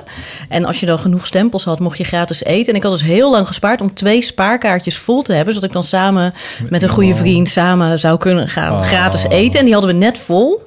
En die En- waren ook gejat. En die werden ook gejat. En dat vond ik erger dan een heel dure ketting. Die uiteindelijk veel meer waard was. Maar gewoon die moeite. Dat je dan echt twee jaar lang elke keer die stempeltjes aan het verzamelen bent. En je zo verheugt. En dat... Dit, zit in, eh, dit is zo'n zo'n gouden scène in De Lift van eh, Dick Maas, weet je wel. En dan ehm, heeft uh, Huub Stapel heeft dan een ongelukkig huwelijk. En die vrouw is een beetje zo sullig en zo. En die spaart dan zegeltjes, wat hij irritant vindt. En hij krijgt dan een eh, relatie met Willeke van Amrooy, dus een journaliste. En op een gegeven moment dan is die vrouw vertrokken. En dan ehm, kijkt hij in een blik en heeft ze de zegeltjes meegenomen. Grappig, hè? Ja, heel mooi. Ja, we hebben jou Eh, voor de popreferenties. Ja, dit terzijde. dit terzijde. Zegeltjes zijn belangrijk, mensen. Ja, eh, kostbaarste bezit. Ik heb er lang over zitten nadenken. En, en ik denk, want ik, ik bezit een auto en ik bezit een motorfiets. Maar die zijn beide niet bepaald jong. Die, dus ik, het is voor mij, ik, moest hier, ik moet hier eigenlijk best wel eventjes aan rekenen. Zeg maar de dagwaarde van die twee dingen. Versus. Maar ja, als het huis niet meerekenen, want dat, dat, dat Ja, aan de andere kant van mijn huis heb ik inmiddels wel best groot deel Afgelost, miljoen, eh, eh, afgelost. Nou ja, ja, ja, in mijn Ja. villa waar we nu zitten. Ja, dus misschien, misschien moeten we het huis niet uitvlakken. En dan, inderdaad, als je de aflossing meerekent... dan is mijn huis ook het kostbaarste Maar welke van mijn twee huizen is dan een deze? Oh, sorry. Eh, Ja. Nee, maar misschien zou het... Of is het toch het... ehm, je gezondheid. Ik denk, Nee, dat is ja, dierbaar. zou het uit... Ja, weet ik wel, maar zou het uit het uit Nou ja, ik zou mijn kind zijn? voor minder... Nee, voor meer geld verkopen dan mijn huis. Dus op zich is mijn kind ook kostbaarder. Ja. Ja, hier, kun je, hier kunnen we nog heel lang over hebben. Goed, Ja. had je niet nog meer berichtjes? Dan, ja, eh, zeker, zeker. Want ehm, ehm, je had het van tevoren ook al aan, tegen ons gezegd... van het lijkt, lijkt me interessant om ook over de naam te praten. Ik heb ook opgezocht hoe vaak onze namen voorkomen. Oh, ik heb het alleen niet genoteerd. Van alle drie? Ja. Oh, nou, ik weet het van mijn naam wel ongeveer. Jullie zaten ongeveer in dezelfde orde grootte. Echt? Oh. Ja, Ipe, iets meer. Ipe had een heel rare piek ook. Er was ergens een piek in de jaren 60 of zo... dat er ineens meer Ipes waren. Ja, dat heel klopt grappig. dan dus wel een beetje. Oh. Ja. Ik dacht in 2002 rond mijn doorbraak. Nee, nee, maar mijn, mijn frustratie is dus... eh, van de Jonica's kan je het niet zien. In de, dus het Meertens Instituut heeft een database van voornamen. Maar, als er minder dan vijf zijn... zeggen ze niet hoeveel het er zijn. En eh, Jonica's zijn er minder dan vijf. Oh, wauw. En ik weet er inmiddels drie. En er is er twee jaar terug of vorig jaar eentje bijgekomen. Oh. En toen dacht ik ook, is die naar mij genoemd? Ja. Toen was ik helemaal... eh, Ja. En toen kreeg ik ook een reactie van die eh, vader. En ja, het was, ze hadden mij ooit een keer op tv gezien met een ondertiteling. Toen dacht, en daar waren ze eigenlijk voorbij gezet. Maar toen hadden ze onthouden, Jonica, leuke naam. En toen ze zwanger waren, dachten oh ja, dat Jonica. En toen hebben ze even gegoogeld om te kijken of ik niet een totale idioot was. Want ze dachten, ja, je kan natuurlijk niet je kind naar een van de totale mafkees noemen. Ja. En wat bleek? Nou, ze vonden me best wel leuk. dus hun kind heet Jonica. Maar goed, het, eh, er moet dus wel een keer boven die vijf uitkomen. Ja, precies. Ja, dat gaat gebeuren. Verbeter jij mensen als ze zeggen... Ionica? Ionica. Nee, sterker nog, eh, een hoofdredacteur waar wij veel mee werken. Oh, ja, ja, ja. Zegt het al jaren. en er zijn er een paar. Er Ja, zijn meer ja. mensen die het stelselmatig doen. Ik, Ja. Wat ik wel... eh, Je hebt een stuk op je site geschreven. eh, toen ik je ging interviewen, moest ik het opzoeken, want ik kwam er niet uit. Ja. Want toen zat je, volgens mij was dat voordat je in zomergasten zat of zo, weet ik veel. Anyway, ik wist het niet. Daarna zijn er ook nog heel veel mensen het fout. hoor. Ja, ja, ja, misschien wel. Ja, zo vaak wordt je naam ook weer niet genoemd als je in zomergasten zit. Enfin, daar gaat het helemaal niet over. Toen heb je, en daar heb je echt een alinea gewijd aan de uitspraak van je naam. Wat ik heel tof vond, want het hielp. Maar, eh, maar het is wel een dingetje, Niet voor denk ik. iedereen. Nee. Nou ja, ik vind het op zich helemaal... Ik vind het eigenlijk heel logisch dat mensen het verkeerd uitwerken als ze erover lezen. En ik vind ook... ja, want een principe- ion is een ding. Dat Ja. is iets met moleculen. Precies, dus dat is een heel logische gedachte. En ik vind sowieso... Ik, ik las een keer ergens dat je nooit mensen moet uitlachen die een woord verkeerd uitspreken. Omdat dat betekent dat ze het gelezen hebben. Mhm. Dus dat is alleen maar iets wat je moet aanmoedigen. Ja. Dus ik vind het heel logisch dat mensen die mij niet kennen het verkeerd zeggen. En meestal als ik de mensen de eerste keer dan ontmoet, dan zeg ik van... joh, je zegt eigenlijk Jonica. Eh, maar soms schiet dat erbij in of sommige mensen negeert gewoon. Het enige, ik vind het wel heel fijn als mensen me Jo noemen die ik niet goed ken. Die dan, eh, Jo? dan Ja. zeg ik er wel wat van. Dat is ook wel een beetje... Oh ja. Yo. Ja. Of Joon, dat ook. eh, ja. Joon. Oh ja, ik heb ook een paar vrienden die noemen me Jon. Mag Ja. ik wel Joon zeggen? Ik mag toch wel Joon Ja, zeggen? jij mag inmiddels wel Oh. Joon zeggen. Maar dat deed toch niet de eerste keer dat je me zag? Nee, nee. Heb je er nooit, eh, nooit eh, weet ik veel, rare opmerkingen vroeger mee gepest of weet ik veel, dat soort dingen? Ja, maar ik werd met zoveel dingen gepest dat Oh. mijn naam nou niet echt er, eruit sprong. En ik dacht ook, want ik weet dus van jou dat je dat vertelt, dat je best wel lastig vindt je naam. Terwijl ik zou er juist zo trots op zijn dat je een bijzondere naam hebt die anders is dan anderen. Dat maakt je ook uniek. Ja, en mensen die dan een grap maken over je naam, die hebben dusdanig weinig denkkracht Ja. eraan besteed dat je die eigenlijk mag negeren. Ja, dat zijn heel veel mensen die dat zeggen, waaronder Pauline ook inderdaad. Ja, ja, ja, ja, Maar het ja. komt natuurlijk ook wel met je- Maar het komt wel binnen, dat is het probleem. Hè? Ik bedoel, je kan het allemaal rationeel bedenken. Komt dit ook binnen? Komt ook binnen wat Jonica nu zegt? Aardige dingen komen bij mij niet altijd binnen. Oh, ja. Nee, Dat is vrij algemeen natuurlijk. Ja, Ja, het, eh, ja. ja. maar Ja. het komt ook omdat je natuurlijk zelf minder blij bent met die naam. Ik bedoel, kijk, ik ben, Nou, ik ben, kijk, ja. Want ik ben dit is dus super blij ding. met mijn naam. Dus ja, dan als De- iemand dan een maar- grapje erover maakt, denk je, ja, fucker. Bijvoorbeeld, vandaag moest ik een, een paar dingen doen. En dat ging allemaal veel te langzaam voor mijn gevoel. En als je eenmaal... De, ik weet niet, ik moest de fiets ophalen, ik moest naar mijn broer en ik moest hier naartoe. Dat, zijn, dat waren de drie, zeg maar, eh, eh, verplaatsopdrachten die ik vandaag had. En bij het, bij, het, bij het fietsophalen begon het al dat het te lang duurde. Dat, het, dat ik ergens, ik moest op een pontje wachten wat, wat maar niet kwam en al- allemaal van die dingen. En, en daar eh, kwam de gedachte bij mij van alles duurt nu te lang en de wereld is tegen me. En dan op een gegeven moment valt je op dat alle stoplichten op oranje of rood staan. En, ik, en op een gegeven moment zit ik alleen maar vloekend en tierend in de auto. Terwijl ik ook wel weet van, dit is perceptie. Want het, het gemiddeld genomen staan ze gewoon evenveel op groen als op Ja, rood. en of ze bedienen ze ook niet speciaal voor jou. Precies, was dat maar zo. Maar, maar zo werkt het met, een, met mijn naam natuurlijk precies hetzelfde. Als ik daar al in sta van... ehm, eh, en mensen zullen het wel stom vinden... dan ben je er ook gevoeliger voor dan... Wat zit je nou te grinniken de hele tijd? Ja, sorry, ik, ik zag het ondertussen een dame op die ik heel gaaf vond. Luister je niet naar mijn verhaal? Jawel, ik, Maar Wat heb ik net ik gezegd? grinniken en naar jouw verhaal luisteren. Ik zat te wachten Maar op heb de, jij, de ehm, ontknoping. Nou, dit maar was... heb je dan niet serieus overwogen om je naam te veranderen? Ja, Waarom heb je het dan niet gedaan? nou, omdat het best wel een gedoe is. Ik heb het ook één keer wel echt gedaan. Eh, dat was toen ik naar de middelbare school ging. Ehm, toen kon je aangeven of je een roepnaam had. Ja, En toen had ik, had ik als roepnaam mijn tweede naam eh, gegeven.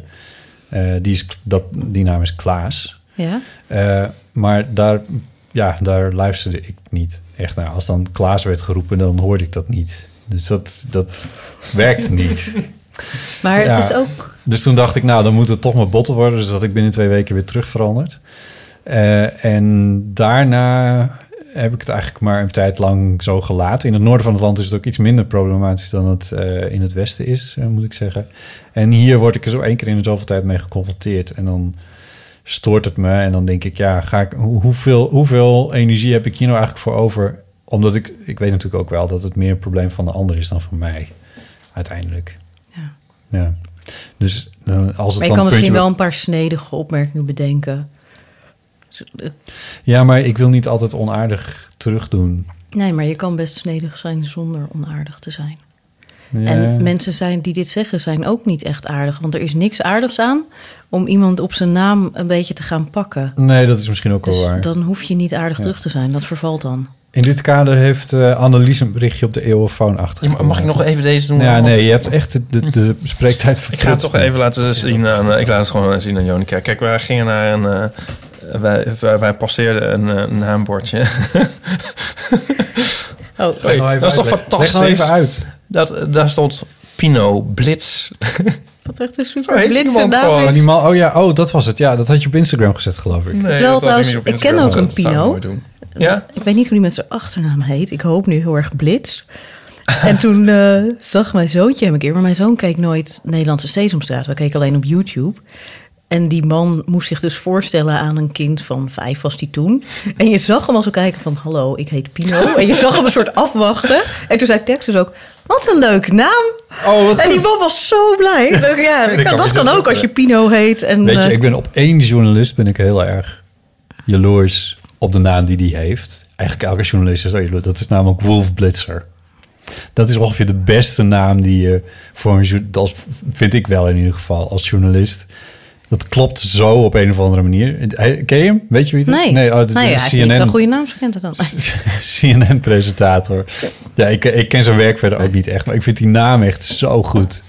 Ja, Pino, Pino Blitz vind ik ook een heel mooie naam. Dat is toch een heel vette naam? Ja, Ja. ja. Ja. Als, je, als je een naam zou uitkiezen. Ja, maar ik denk dus dat Pino Blitz... Ik kan me voorstellen dat er, dat er heel veel momenten zijn geweest in het leven van Pino Blitz. Maar ik heb dat, wel dat hij daar helemaal niet blij mee was. Maar ik hoop dat hij het oont. Ik heb wel eens bijvoorbeeld ook prijzen gewonnen omdat ik een leuke naam had. Ik was vroeger fan van Pulp, in het bijzonder van Jarvis Cocker. En die had op een gegeven moment een wed- wedstrijd waar ze geen zin hadden om inzendingen te doen. Want dat was zo gedoe. En toen hadden ze gewoon de tien leden met de grappigste naam... hebben ze een gesigneerd boekje van Jarvis Cocker gestuurd. En toen kreeg ik het ook omdat ze Jonica zo'n hilarische naam Vet. vonden. Zo nice. Ja, dat je denkt, nou, dan is het toch heel erg de moeite Zeker. waard. eh. Zeker, ja. Ja, al mooi. Ja, heel mooi. Ehm, er, zijn, er is ook nog een eeuwenfoon eh, berichtje over de naam. Dit, volgens mij herhaalt dit al zo'n beetje... Of, nou, laten we we snel zeggen, klaar. vat het samen. Hallo, dit is Annelies. Ehm, ik eh, vind jullie een hele leuke podcast hebben en ehm, ik wilde even dat doorgeven. En ik, ik moest ook even eh, nadenken, steeds als jij dat hebt, Botte, over je naam, dat je daar zo'n moeite mee hebt.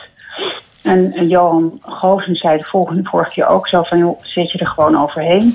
Ik vind het een hele mooie naam. En volgens mij moet je er gewoon heel erg trots op zijn. Want het is een hele ja, mooie, Friese, stoere naam. En ik heb daar zelf helemaal geen bijbedenkingen bij... dat dat eh, eh, ja, een betekenis zou hebben. Ik zie het alleen als een hele mooie Friese naam. Dus eh, zet je er overheen en gebruik het inderdaad, zoals Johan eh, zei, als geuzennaam. En eh, heb veel plezier vanavond of vanmiddag. Ik weet niet wanneer jullie opnemen met, met elkaar. Okido, hoi. Dag Annelies, dankjewel. Nou, dat is volgens mij een mooie samenvatting. Annelies, Jonica, ik ga proberen om jullie... En Paulien trouwens ook, want die zegt het ook. eh, jullie Wat zeg ik advies dan? ter harte... ge- Ja, je, Ja, je- zegt, zo stom gedaan, Fotootjes opzoeken en eh, weet ik veel wat jij allemaal doet. Ehm, Oké, moeten we nog meer over namen zeggen? Volgens mij niet. Ehm, we hebben nog veel keer meer eh, berichtjes. Zullen we een... eh, oh ja, eh, een berichtje van Richard. Hallo, dit is Richard Roling. Eh, ik luister altijd naar jullie podcast eh, terwijl ik mijn hondje aan het uitlaten ben. Zoals u ook. Eh, ik heb een vraag aan Ilonka. Ilonka. Ik heb begrepen dat alle vormen of veel vormen uit de natuur, zoals de planten groeien en zo, ook allemaal te vatten zijn in wiskundige formules. Volgens mij heeft Fibonacci-nummers daar iets mee te maken en volgens mij de gulden snede ook. Ik vraag me af, is het ook echt zo dat al die vormen precies kloppend in een formule te vatten zijn? Of is het wat meer een wens van de mensheid om gewoon eh, iets te kunnen begrijpen? Van kijk eens, dit is ook allemaal gewoon eh, ja, de schepping eh, die je gewoon kunt terugberekenen. Ehm, ja, ik ben benieuwd hoe jullie daarover denken. Over die relatie tussen eh, ja, de natuur en eh, wiskunde. Ja, ik, ik kreeg een beetje de indruk dat jullie Richard kennen. Nee, ik niet. Nee. maar hij zei Ilonka. Hij zei Ilonka en hij vroeg... En Richard Roling is toch ook een lekkere naam die rolt van de tong, Dat is zullen we waar. maar zeggen. Eh, planten groeien in wiskundige formules.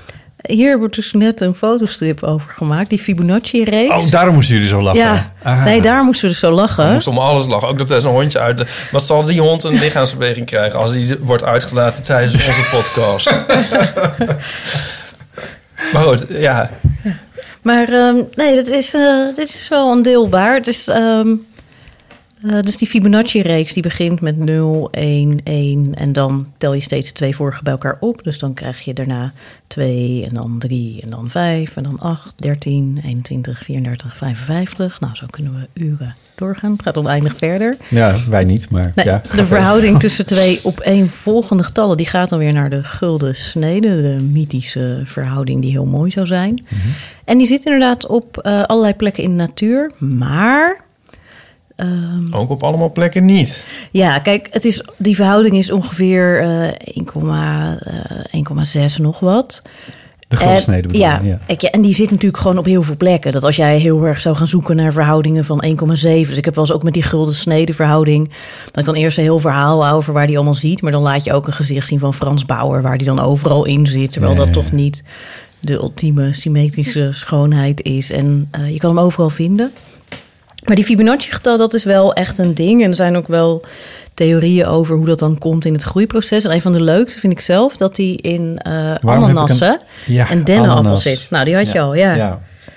En ze is ook heel berucht. eh daar zijn allemaal filmpjes over op YouTube. Dus dan moet je gewoon maar zoeken op eh, pineapple en Fibonacci. En dan kan je zien dat die spiralen...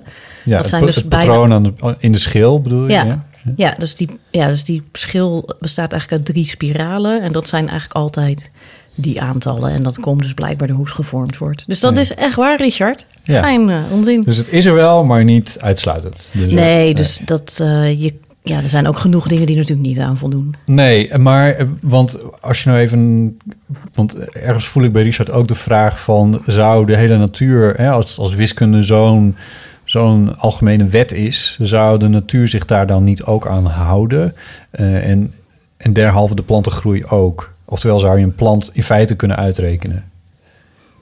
Ja, samenvatten in een wiskundige formule, daar heeft hij het in feite over. Eh, ja, nou, nee, waarschijnlijk voorlopig niet, omdat alles zo ingewikkeld is. Dus Ja. als je alle, weet je, bijvoorbeeld het weer voorspellen, Ja. dat kan uiteindelijk niet echt, omdat je gewoon zoveel gegevens nodig hebt tot op de tienduizendste decimaal achter de komma om het echt goed te doen. Dus Theoretisch uiteindelijk... gesproken zou je het kunnen uitrekenen wat voor weer het over 100 jaar is. Nee, je kan het over vijf dagen al niet meer. Nee, dat klopt. Maar theoretisch gesproken, als je alle gegevens zou hebben. Ja, maar je kan alle gegevens dus Nee. nooit hebben. Nee. Je kan nooit alles oneindig precies hebben. Nee, dan zou je En tweede aarde maar een- moeten hebben eigenlijk. Ja, en zolang er maar een heel klein veranderingetje in zit, is het alweer weg. Dus Ja. uiteindelijk denk ik niet dat je alles in wiskunde kan vangen. Mooi. Goed antwoord. Eh, we hebben ook nog een berichtje ehm, over Vind je het geen goed antwoord? identiteit. Ja, nee, ook wel. nee, maar het is misschien dat het dan de, de, de... Misschien kan je het wel vangen, alleen kun je het niet weten. Zal ik maar zeggen. Ik bedoel... eh, ja, maar het gaat ook vang- uit van een soort reductionisme. Dat je alles terug kan brengen tot kleinere dingen. En als je die begrijpt, snap je het geheel. En dat is toch ook wel inmiddels een beetje een achterhaald idee. Is dat een beetje achterhaald? Ik bedoel, valt het de, de beschrijving en het, en hetgene wat je wil beschrijven vallen misschien samen. Maar er ligt natuurlijk wel een soort iets aan ten grondslag. Ja, Of is dat echt gelul? ik weet niet. Ja, ik, ik vind het een heel lastige vraag. Omdat je uiteindelijk toch altijd zulke precieze kleine dingetjes aan het beschrijven bent. Dat het gewoon helemaal niet lukt om echt een systeem van een bloem in één formule te vangen. Dat is al zoveel ingewikkelder dan dat. Ik bedoel, je kan ook Die van- formule is gewoon heel erg ingewikkeld. Die is misschien ingewikkelder dan de bloem. Ja. Hij is Nou ja. precies zo ingewikkeld als de bloem. Ja, dan heb je gewoon de bloem. Ja. Ja, ja dus Ja. dat... Ja. Maar als het... Ja, oké, ja. Ja. Laten we daarop houden. Ja. Iets anders. Een bericht in twee delen over identiteit. Dag, eh Botte, Ipe en Ionka. Eh, wij hebben een vraag voor jullie. En wij, dat is eh, ik. Ik ben Rick en ik ben homo. En ik ben Herman en ik ben hetero. En de vraag is eigenlijk, ehm, identificeer je voornamelijk met het feit dat je, dat je homo bent? Eh, is dat, is dat de voornaamste identiteit van jezelf? Ik stel mij niet voor met ik ben Herman hetero. Ja, nu, maar ja, anders niet. Nee, en jij ook niet met ik ben Rick homo op die manier. Maar op een of andere manier moet het wel... Ik moet het wel vaker zeggen, ja. dat ik homo ben inderdaad. Maar ik, heb, ik, ik identificeer me niet direct heel erg met zeg maar, de homo-scene of zo. Nee. Dus uiteindelijk is onze vraag... ontleen je je identiteit eh, voornamelijk aan je? Om het bericht opnieuw af Ja, te spelen. we zitten nog steeds met onze korte voicemail. Dat duurt nog eventjes en dan is het allemaal opgelost. Dus ze belden nog een keertje. Dan, dan konden ze het wel, het hele bericht. Hey Botte, met eh, Herman en Rick nogmaals. ja. Wij hebben net een vraag ingestuurd en die hebben wij stiekem opgenomen op onze telefoon, zodat we zeker weten dat wij de vraag goed stelden. En dat we uit onze woorden komen ook. Precies. Dus wij hopen dat die vraag goed overgekomen is. Ehm, kort samengevat, ontleen je voornamelijk je identiteit aan het feit eh, eh, wat je geaardheid is. Dus mocht de vraag onduidelijk zijn, dan bij deze. Eh, maar we hopen dat die goed overgekomen is. Wij luisteren met veel plezier naar je podcast. Dat waren we nog vergeten te zeggen, Precies, ja. maar dat doen we. echt heel erg leuk. Ja, dus ehm, bedankt. En we horen hem misschien wel weer terug. Ja, tot snel. Jo, doeg. Fantastisch Ze hebben een soort- duo, Dit dit. hebben een soort podcast in de podcast. Ja, maar dat is het ook. Want als je goed hebt Herman en geluisterd... Rick moeten echt een podcast Ja, maar- beginnen. ja, en misschien hebben ze dat al lang gedaan. Maar als je goed hebt geluisterd, dan hebben ze dat eerste bericht dus niet live ingesproken. Maar Nee. dat hadden ze op een telefoon ingesproken. Toen hebben ze op een andere telefoon ingebeld op de eeuwenfoon. Ja, het is over Dat- zelfreferentie. Ja, ja dit, dit, dit zat... Eigenlijk eh, eigenlijk Maar waarom hebben ze dan niet gelijk op 56 seconden gedaan? Als ze altijd luisteren, dan wisten ze dit ja, toch? het is, eh, ja, Ja, dat, ja. dat, dat is vraag, een raadsel. Maar ergens ook wel weer... maar ergens ook wel weer heel leuk. Ik wil heel graag nu een keer dat iemand belt en dat wij dan in die bel inbellen. Ja. Zou dat kunnen?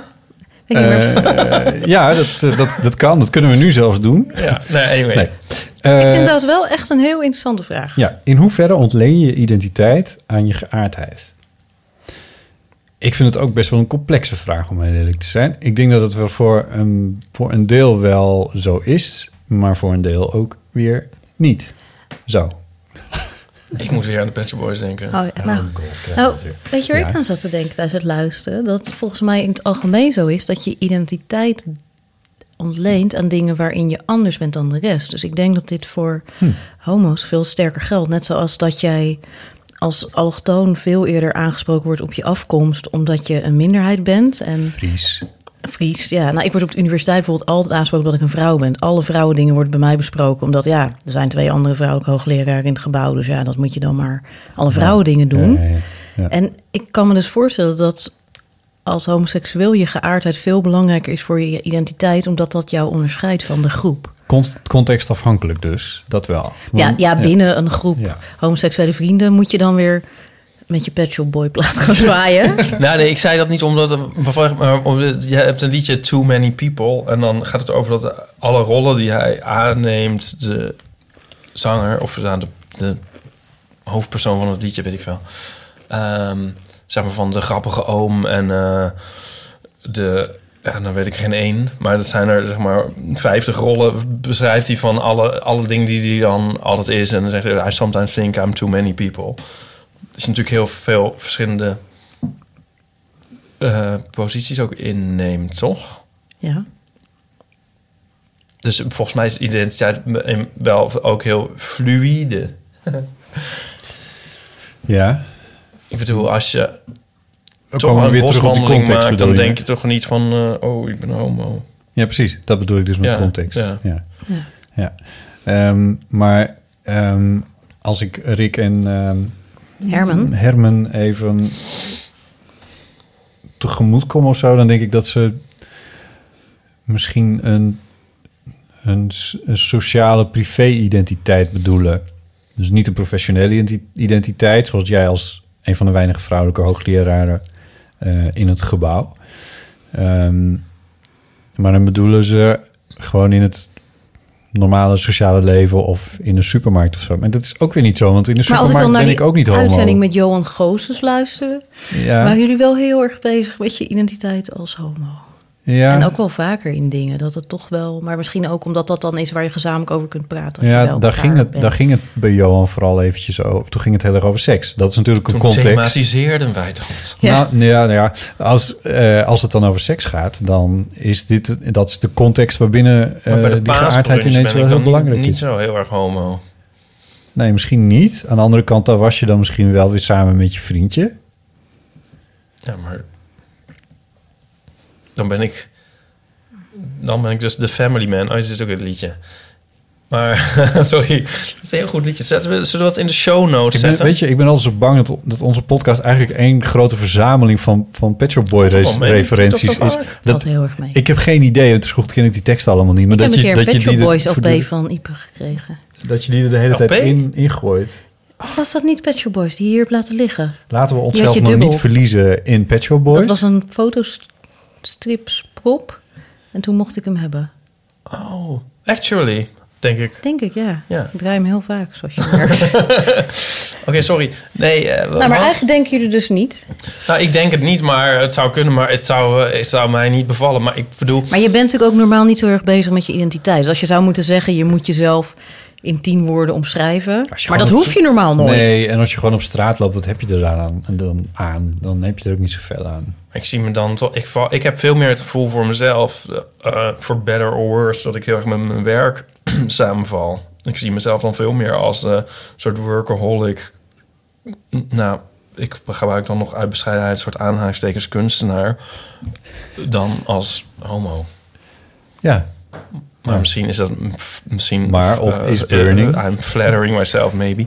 Dit is weer een Pet Shop Maar Boys op. Is Burning val, val, val- valt het dan helemaal weg, want daar is iedereen zo'n beetje. Oh, Kunstenaar. Dan Oh. Dan hoef je daar, ja, eh, weet ik veel. Daar ga ik ook heen. Ja, wat is de vraag? Maar het is net ook niet als ik aan mensen iets vertel van... ja, ik ga iets met Ipe doen. Ik zeg, die is dus homo. Nee, Nee, precies. Zeg Ja, dat dat is die jongen die dan- die leuke fotostrips Ja, maakt... en ja. die altijd zo jong geschat wordt. Dat, eh, die... Maar de, de vraag was dus, ontleen je identiteit voornamelijk aan je geaardheid? Volgens mij ontleen je, je niet je identiteit voornamelijk aan iets ever. Ja, misschien als je... Ja... eh, Of als je Willem-Alexander bent. Nou, ja, of, of Nelson Mandela of zo. En je zit in de gevangenis of zo. Dan, en je kan niet anders. Volgens mij heb ik jou net horen zeggen dat je een belangrijk deel van je identiteit ontleent aan je eh, alter ego. Ik. De fotostrip held Ipe Dries. Nee, ja, als ik er dan eentje moet zeggen, dan zeg ik Ja, die, precies. zeg maar. Maar, Ja. maar, bedoel, maar als je dus, als je dus veel, als je heel veel verschillende rollen de hele tijd aanneemt, dan wordt het volgens mij, dan, dan gaat het toch allemaal heel erg Ja. door elkaar lopen. Ik denk dat het antwoord inderdaad toch is...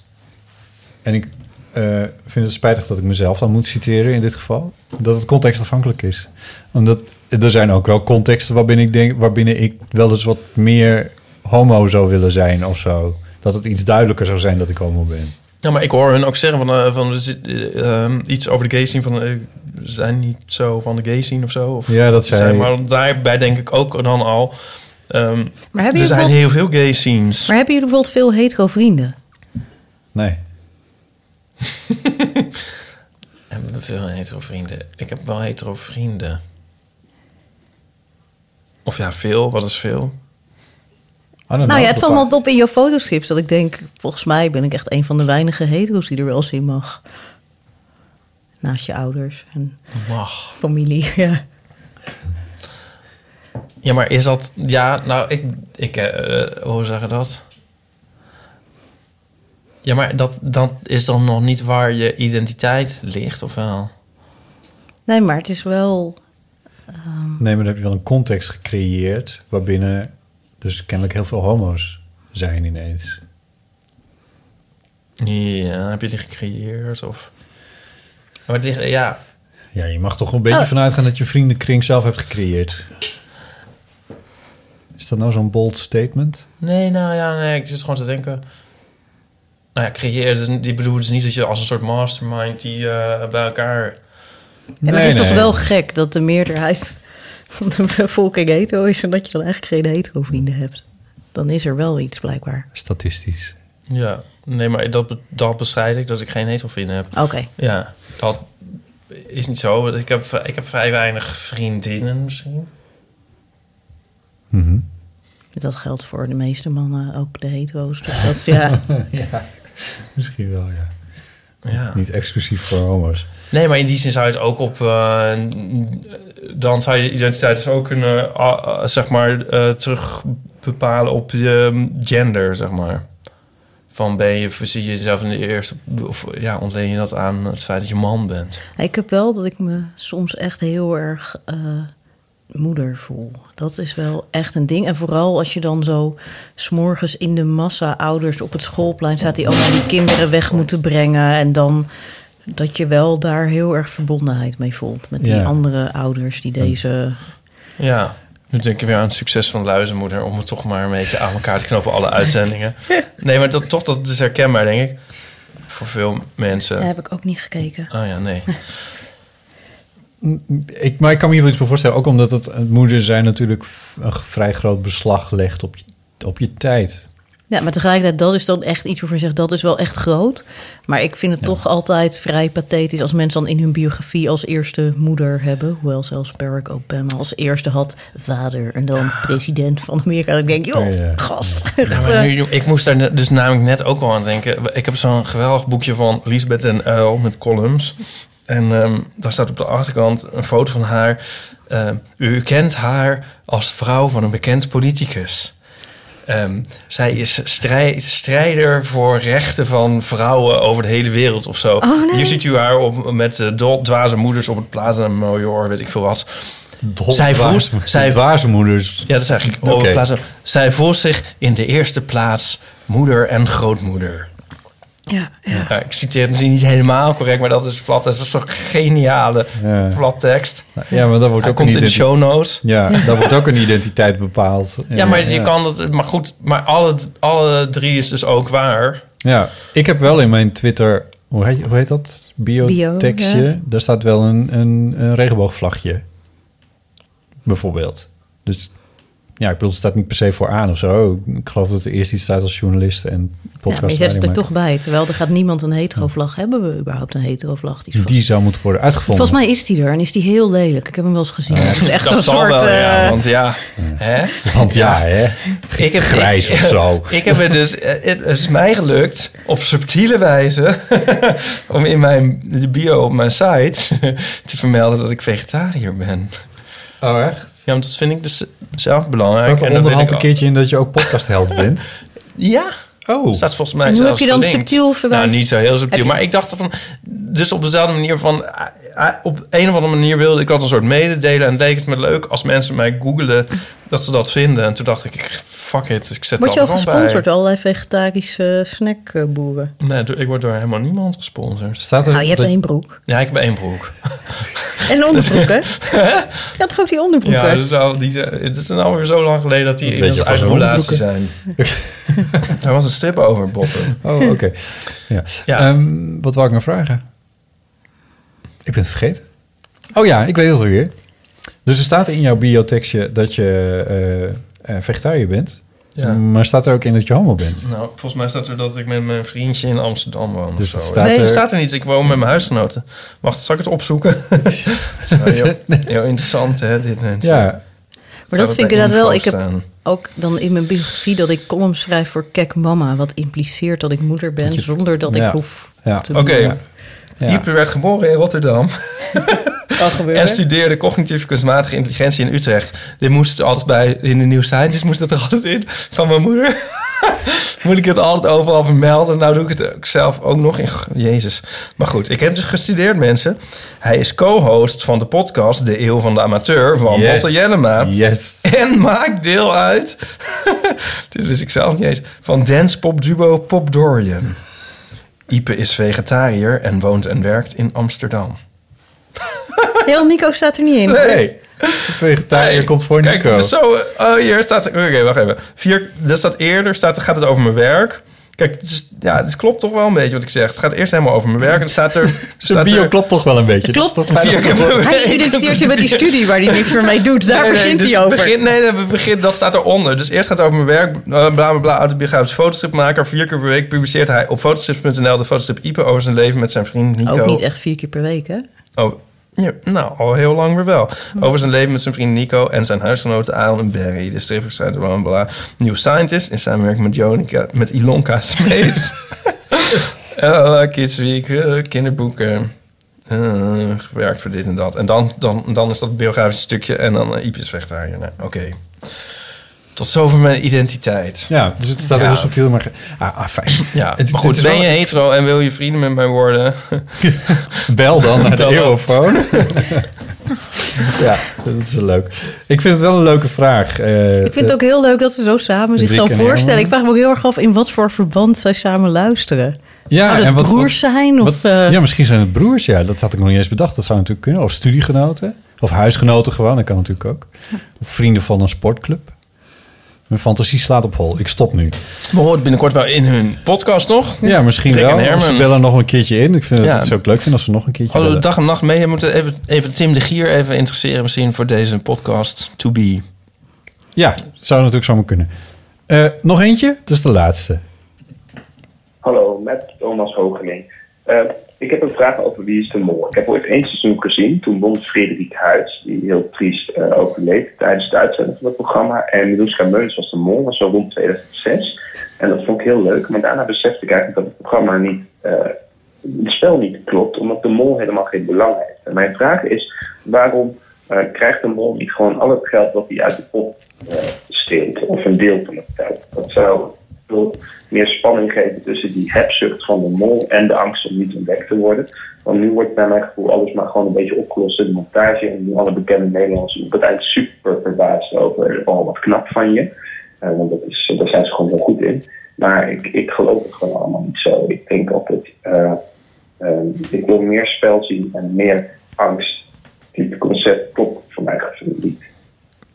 Thomas. Wie Nou. is de mol klopt niet. Dit heb ik ook een keer gezegd, maar niet ergens publiekelijk. Dus, ja, eh, jullie hadden, uh, jullie hadden Jonika's gezicht moeten zien. ik, ik snap geen fluit van die hele mol, maar, eh, maar er zijn dus twee mensen echt belangrijk. Dat is een winnaar en dat is de mol zelf. Ja, de mol. we- Ja, dus, nou ja, dus je hebt een mol die alle opdrachten moet Ja. verpesten. Kijk, en Ja. alle andere deelnemers hebben als doel om de winnaar te worden. En dan krijg je de pot met geld. Wat bepaalt of je winnaar wordt? De kennis die je hebt over de mol. Dus er is elke keer eh, zijn er eh, vragen. En dan moet je zoveel mogelijk vragen over de mol goed beantwoorden. En degene die de meeste goed heeft, die gaat door. En elke keer valt degene die het minste weet of er het langs over doet, die valt dan af. Maar die vragen zijn niet van wie is het? Ja, ook. Nou, wel. Oh. Maar ook bijvoorbeeld, eh, wat deed de mol bij deze opdracht? Eh, heeft de mol bij deze opdracht in het bootje gesaboteerd? Dus allemaal dingen. En in het begin ben je met ja. z'n tienen. Maar die mol moet dus allerlei dingen verprutsen. Dus moet heel de tijd opdrachten doen om geld in de pot te krijgen. Kortom, in het spel, wat heeft hij voor belang bij het meedoen überhaupt? Nou, de mol wordt als enige volgens mij betaald voor het programma. Die weet zeker dat hij er tot Nou, het maar ze eind worden in allemaal zit. toch betaald? Nee. Nee, je wordt Nee? niet betaald. Nee. Echt niet? Nee. Nee, geloof Je ik bent niet. drie weken je weg. eens een dagvergoeding, zoals dat zo eufemistisch heet. Volgens mij niet. Dat moet wel. Nee. Anders moet je drie weken, dat, is een soort, dat kun je die mensen niet aandoen. Eh, je dagwaarde stijgt daarna zo als je in wie is Ja, maar ook als je de eerste week uit bent. Ja, dan nog. Even het spel dingetje van, eh, van Thomas, waar hij Nou, over begint. Ja, dat is dus inderdaad dat ik dit ook al eens heb gezegd. Want kijk, die mol die moet dus opdrachten verpesten. Ja. En niet al te opvallend. Maar er zit dus inderdaad geen beloning voor als het goed lukt. En je ziet het ook heel erg wisselen. Dus er zijn ook Ja. een paar seizoenen mollen geweest... die dan ook zeiden... ja, toen waren we zo lekker bezig met de opdracht. Toen heb ik niet gemold, want het was zo'n gezellige dag. Dan denk ik, ja, fucker. Ja. Dit is niet de instelling. Terwijl dit jaar hadden ze dus echt Jan Versteeg... die echt een heel goede mol was. Echt, eh, dat was wel jammer, want ik had ook heel lang nagedacht... over wat de beste strategie voor de mol was. En die heeft hij al gedaan, dus dat werkt Die niet. strategie? Ja, dus om te doen alsof je een heel fanatieke kandidaat bent... terwijl jij voorkennis hebt... Dus dat je heel veel geld uit de pot wegspeelt door te doen alsof je heel erg je best doet. Maar dat net op een onhandige manier doet, omdat jij weet hoe het werkt. Dus hij had, hij had best wel... een- uit de pot had hij al heel veel geld naar zich toe weten te spelen. Ja, maar maar dat- omdat hij de mol is, krijgt hij het niet. Nou ja, dus, de, ja, dus je zorgt eigenlijk ervoor dat de winnaar minder krijgt. Dat is wat jij als mol aan het doen Ah, bent. Dat je zorgt ervoor dat de winnaar minder geld krijgt. Dat Ah, is ja. jouw doel. Ah, ja. Maar Wat ik voor had bedragen hebben we het eigenlijk over? Met hoeveel gaan ze naar huis? rond 15.000, zoiets. Zo, oké. Nou ja, voor drie weken werk. Ja. Nou, er zijn weken dat ik minder verdien, maar Oh, ja. ja. ja? Ja.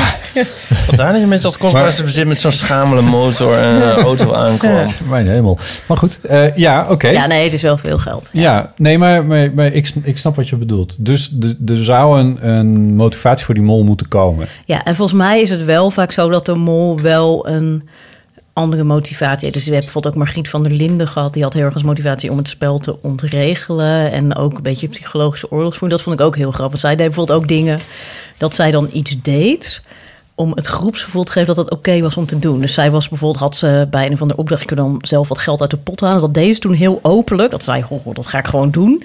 Want ze dacht, dan wordt dat normaal om te doen. En dan gaan anderen dat ook eerder doen. En dat had ze dan allemaal, dat je dat vind ik dan heel leuk als Ah, je ja, zo ja, werkt. Maar er zit dus inderdaad, zoals Thomas heel terecht aangeeft, Ja. een ontwerpfout in het spel.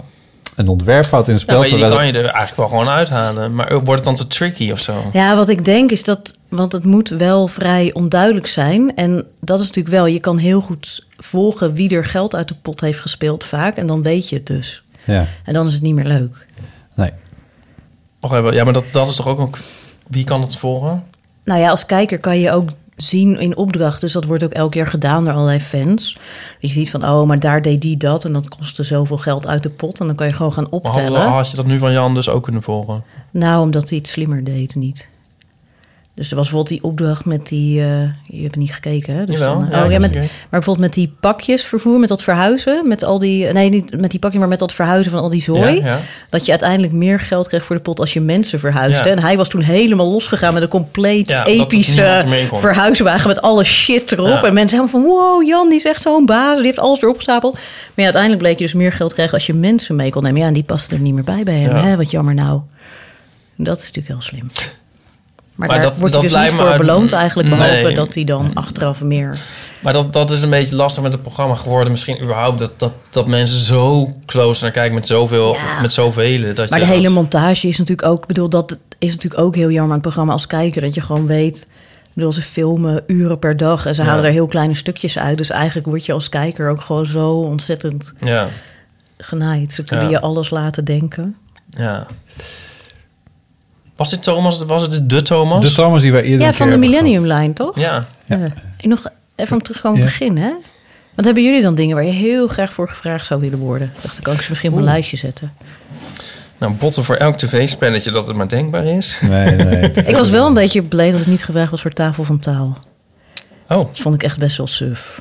En toen dacht ik daarna, waarschijnlijk had ik nee gezegd. Toen dacht ik op een gegeven moment, dacht ik, wou ik erover gaan klaar. dacht ik, oh god, misschien ben ik gevraagd. Dan heb ik gewoon mijn assistenten nee laten zeggen. Dan zit ik dan nu te zeiken dat ik niet gevraagd ben. Dat leek me ook echt heel geweldig. Oh, ja, ja. Eh, ja, hier hebben het, mijn ambities hebben we het al vaker over gehad. Maar die liggen niet zozeer ah, in, in deelname. jij wil Eh, zomergasten presenteren, hè? Ja. Dat lijkt me echt zo'n rotbaan. Lijkt me heerlijk. Het lijkt me echt... Ik vind niks leuker dan interviewen. Ja, maar je hebt niet per se keuze in de gasten, hè? Nou, volgens mij wel een beetje. Ja. Nou, niet... Ja, volgens mij wel. Volgens mij mag je er één veto als presentator en voor de rest... eh, I don't know, maar ik zou Nou. echt... Ik zou, ik zou echt... Ik zou... Ik zou... Ik zou het ontzettend tof vinden. Ja, jij bent al een keer geweest om jou eh, eh, drie uur lang in een zomergastencent te interviewen. Net zoals ik het ook fantastisch zou vinden om Thierry Baudet een, eh, een, een drie uur lang eh, tegenover me te hebben. Zou ik echt geen moeite mee hebben. Maakt me echt niet uit. Ja, maar ook als er bijvoorbeeld een... eh stel je voor dat het toch een soort... Ja, Saaie mensen? Nee, die zitten niet in zomergasten. nou ja, sporters. Sporters. Ja. Zou je dat kunnen? Dat, ja, nu raak je een, eh, een gevoelige snaar, ja. Maar, Nou, ik denk het bijna wel. Ik denk wel dat ik dat zou kunnen. Maar dan zou ik, dat zou een heel onnozel interview Jellema drie worden. uur over voetbal Op een heel basaal niveau. Zoals, zoals, zoals, zoals ik over wie, wie is de mol allemaal heel basale vragen moet stellen. Ja. Ja, jeetje, ik weet wel iets van sport natuurlijk. Ja, maar ik vond juist Zomergast is zo te gek... omdat je dingen kunt laten zien en kunt vertellen. En het leek me echt zo verschrikkelijk om te presteren. Dus ik snapte ook nooit waarom mensen dat zouden willen. Want ik, weet ook, ik ken ook iemand die auditie ooit had gedaan voor presentator. Dat ik echt zei, waarom zou je dat willen? Dat ik vond Ja. dat echt zo'n stom idee. Als ik ooit in zomergasten kom, dan laat ik een stukje van jouw zomergasten zien. Oh. Weet je ook welk stukje? Ja, ja natuurlijk. Welk dat, stukje dan? dat stukje over, eh, over kindersterfte. Weet je nog? Nee, ik heb hem zelf nooit teruggezien. Nee? Nee. Dat je zegt van, eh, ja, je kan het allemaal wel afwijzen... maar dan moet je ook accepteren dat, eh, weet ik veel, hoeveel procent van... eh, Oh, over wetenschap afwijzen. Ja, Ja. Dat Oh. is zo fantastisch. Ja. Leg even uit, want ik, ik, ik kan me dit half herinneren, maar... ja, dus mensen die wetenschap ja, afwijzen... of eh, eigenlijk waar we het ook eer- eerder ook een beetje over hadden... En ehm, ja, toen Op- werd Jonica opeens heel fel. En, eh, Op religieuze gronden of zo? Of wat? Nee, meer tegenwoordig uit algemene antroposofische Ja. Principes. En, Wetenschap is ook maar een mening. Ja, en ik wil die dingen niet en het is allemaal niet veilig. Dat inter- inenten en zo, hebben we het daarover. Ook, ja. Ja. Maar, Ja, maar van alles. Het komt uit alle hoeken en gaten. En als je dat dan doet, dan moet je ook als consequentie nemen dat de kindersterfte zal, zal stijgen, omdat je al die wetenschap niet hebt om dat te voorkomen. ja, Dat- als je dat gewoon kijkt in 1800 Ja. dat een derde van de kinderen hun eerste verjaardag niet haalden. Ja, Ja. Succes ermee met Ja. je weg met de wetenschap. Ja. Dat eh, Ja. denk dat ik iets in die stukken Ja, ja, ja, en dat was heerlijk. Ja, dat, eh, Ja. dat Ja, dat- verdient inderdaad herhaling, ja. Nou, bij deze Ja, is het ook maar nog die hele uitzending was fantastisch. Maar goed, maar die was, dat ik zat volgens te mij ook de denken eh, zomergasten ooit. Of niet? Nee, na Als je nog filmpjes wil bewaren, hè, dan zou je deze moeten bewaren. Ik heb hem op DVD. En, eh, nou, wat ik zelf heel digitaliseren. grappig vond, ik was, eh, ik was toen zwanger tijdens de uitzending, maar ik had het nog niet aan mensen verteld. En mijn grootste angst was dat ik halverwege de uitzending eruit zou vloepen dat ik zwanger was, terwijl ik het nog niet aan mijn familie had verteld. En, eh, dus daar was ik altijd mee bezig. En dan kwam Peter van Inge tussendoor. En dan kwam hij, ik heb Toosjes rauwe zoom. Ik zo, nee, bedankt, Peter. En Wilfried de Jong wist het ook niet. De redacteur wist het wel. Ja. Peter van Inge is de eindredacteur van... Ja, die was toen de eindredacteur. toen, ja, dus die kwam heel de tijd met... Weet je, dan kwam hij daarna weer met zachte kaasjes. Ik zo, nee, nee, die hoef ik ook niet. Echt, eh, Ah, Rosbief. ja.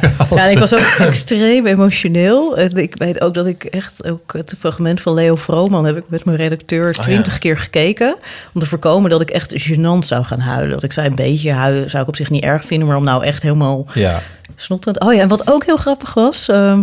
Maar gebeurde dat uiteindelijk, dat je moest huilen? een beetje, maar niet zo erg. oké. Dat was oké. Maar ik had, wat ik ook heel eh interessant vond... eh, ik hoorde dus ook... eh, het maakt heel erg uit wat voor redacteur je had. En ik had Marijntje Denters en die was echt heel goed. En die heeft ook echt dingen uit archieven gevist voor me. Ja.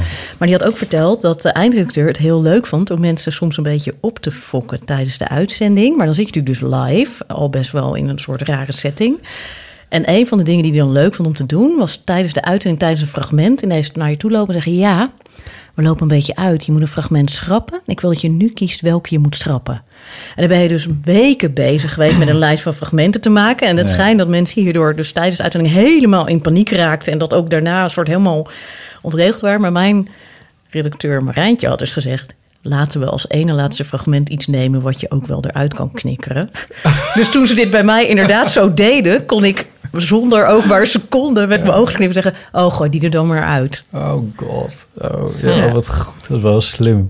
Maar dat, ja, maar ook hoe ze over nadenken. Ik mocht bijvoorbeeld de volgorde van mijn fragmenten niet weten.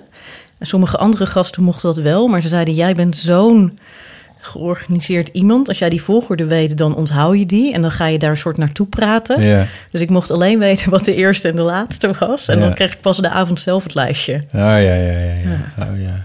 Oh, wat goed zeg. Oh, je zou er ook nog een hele uitzending over kunnen voeren. Ja. ja. We Mijn- begonnen mijn, eh, over... Ja, inderdaad. Mijn, mijn droom is toch wel om ooit uitgenodigd te worden voor eh, de beste social podcast.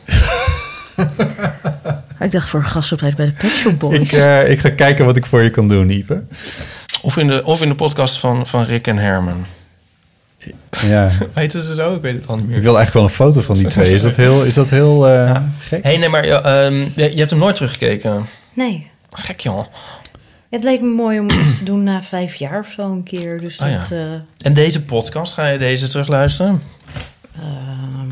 Nee, dus. Nee. Nee, je was al bij de Nee, opname. hoezo? Nee. Ja, dat weet ik niet. Ja, dat niet zo, ik kijk altijd dingen terug die gemonteerd zijn, omdat ik dan benieuwd ben wat er in de montage gebeurt. Maar Ja. als het, dus bot, als je heel veel gaat monteren, dan ga ik wel terug Nou, dan zeg ik dus ja. Ja. Nou, dan ga ik wel luisteren wat is geworden. Maar ik kijk meestal dingen die live waren niet zo terug, behalve als ik heel erg wil kijken of ik iets beter of anders had kunnen doen. Oh, ja. Snap ik wel. Ik zit wel echt te denken dat ik echt toch wel iets moet hebben waarvan ik nog droom. God, dat is toch wel... Het is wel spijtig dat je dat niet hebt. Ergens. Ja, ik had ook heel lang dat ik heel erg hoopte dat ik een keer bij Willem, Alexander en Maxima mocht eh, op Paleis komen dineren. Bij van die fancy fancy diners. Maar ik ben ineens in de tussentijd een beetje afgeknapt op het Koningshuis. Dus nu heb ik daar Oh. minder affiniteit mee. Was daar een directe aanleiding toe? Is dit niet al... Ik dacht dat, dit al, dat, dat dit ook al afgestreept was. Heb je dan, is dat nooit gebeurd? Nee, nee. Nee? Nee, nee, hoor. Oh. Beatrix op een congres was het hoogste. Oh. En ik heb Juliana als kind bloemen gegeven. Oh, toen echt? ik zeven was, ja. Ah. Of zes, ja. Maar eh, nee, dat was iets... Ja, ik weet niet, ja. Nee, ik weet niet precies waardoor het kwam. Ik, zou, ik heb het een beetje hetzelfde, geloof ik. Ja, Pauline is dus wel op zo'n diner... Wel, dat ze dan zo'n blik bekende Nederlanders opentrekken. Ja, sorry, sorry Pauline. Jou niet te nagesproken. En dan eh, bij Willem, Alexander en Maxima... Ja. Daar hangt een foto van op, bij, op de wc bij haar. Dat lijkt me eigenlijk ook best, best wel rampzalig. Om daarbij te zijn. Ja. ja. Ja, maar ik zag Beatrix, of heb ik het toen al... Daar heb ik ook al een keer verteld, geloof ik... op de kunstbeurs opeens voorbij lopen. En toen was ik dus wel echt volledig star... Echt nog nooit zo starstruck geweest in mijn leven. En dat, Ja, nee, daar heb ik je toen nog hardkom uitgelachen. Ja. Nou, hoezo? Ja, precies. Ja, nee, ik heb misschien wel, als, oh, maar dat is echt zo onrealistisch.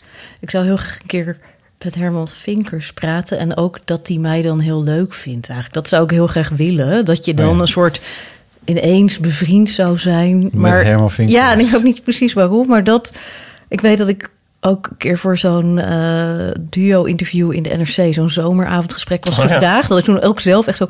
Ja, misschien Herman Vinkers. Dat zou echt heel leuk zijn. En uiteindelijk moest ik toen met Halina Rijn... Nou, daar kan je ook een hele uitzending over vullen. Ehm, maar, maar dat is dan wel zo'n soort droom die ik zou hebben. Maar dat is zoiets wat totaal niet werkgerelateerd is. En ook wat heel...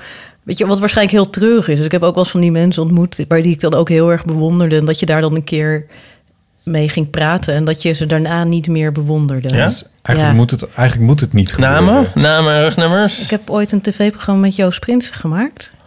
Ik eh, kan niet meer kijken naar Joost Nee? Prinsen. Nee, Oh. omdat het zo onaangenaam was, het Oh. werken. En het achteraf dacht ik ook dat het niet per se zijn schuld was. Het was waarschijnlijk allemaal omroepgedoe en mensen die bij elkaar geduwd werden. Maar het uitte zich erin dat hij niet heel aardig was tegen de twee wiskundigen die dat programma ook Oh. ingeduwd waren. Oh. En dat is wel heel jammer, want Ja. ik vond hem echt zo fantastisch in alles. En dat Ja. je dan nu, Als als je hem ziet, dat je daar altijd aan terugdenkt. eh, Ja, dat is jammer. dus ik dacht, Herman Vinks moet ik maar niet doen.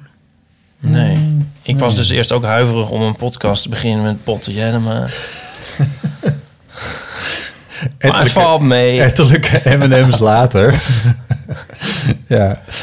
Eh, we zijn nu echt wel een beetje rond. Oh ja. Ehm, er zijn nog een paar belangrijke mededelingen. Dat is namelijk dat we weer een sponsor hebben voor ons SoundCloud-account. Het bestaat nog steeds. Waarschijnlijk voor het laatste jaar, maar eh, ik wil het toch eventjes noemen. En dat is Peter van Elselingen. Insert een, eh, hier. Gewoon een individu. Een individu die... Wat kost dat per jaar om dat te sponsoren? Eh, nou, hij betaalt gewoon het SoundCloud-abonnement, dus daar hoef ik niet ingewikkeld over te doen. Dat is eh, volgens mij 89 euro per jaar. Als ik neem aan als hij stopt, dat zich wel een andere luisteraar meldt die dit Dat zou kunnen, maar we, hangen, we, we zijn niet meer afhankelijk van SoundCloud. Het hangt er nog een beetje bij en, en er luisteren nog wel wat mensen langs die weg. Dus ik wil dat nog niet opgeven. Maar... Dus eigenlijk weggegooid geld van die Peter. Nee, ik heb... Nee, nee ik ben Peter heel dankbaar. Eh, want eh, want het, is, het is wel een kanaal waar langs nog een aantal mensen naar onze podcast luisteren. Dus ik zou het niet willen missen. Dus dat zou heel spijtig zijn. En anders moet ik het zelf betalen namelijk. Dat is ook nog zoiets. Hebben jullie een verdienmodel? Nou ja, het verdienmodel is dat ik gewoon heel veel tijd en geld in steek. Nee, we krijgen af en toe wat geld van eh, via Dag en Nacht Media voor de reclametjes die er eh, voor onze en na onze podcast zitten.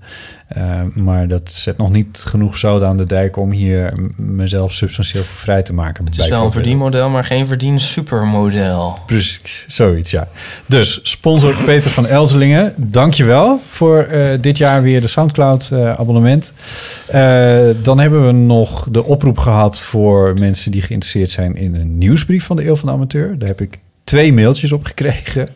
Met alle liefde voor deze twee je mailschrijvers. een En dank daarvoor. ansichtkaart zelfs kunnen sturen, zo weinig als het ja, zijn. zie ik er voorlopig denk ik toch maar even vanaf. En was een van die twee Lena Duits? Nee, niet eens. Oh, nee. Oh, kijk. De naam is toch weer gevallen. Je weet hem toch weer in te wurmen. Eh, we hebben de krant van eh, drie maanden geleden niet gedaan. Maar die we Godzijdank. ook maar eventjes, eventjes zitten. Want we, we hebben al een heel fijn gesprek gehad. Met eh, Ilonka. Hey, en, en, die twee, en die twee faaltjes die nog openstaan, zijn dat de dingen zijn de jingles. Oh, dat zijn de jingles. En dan moeten wij niet nog een koptelefoon weggeven? Oh ja, natuurlijk.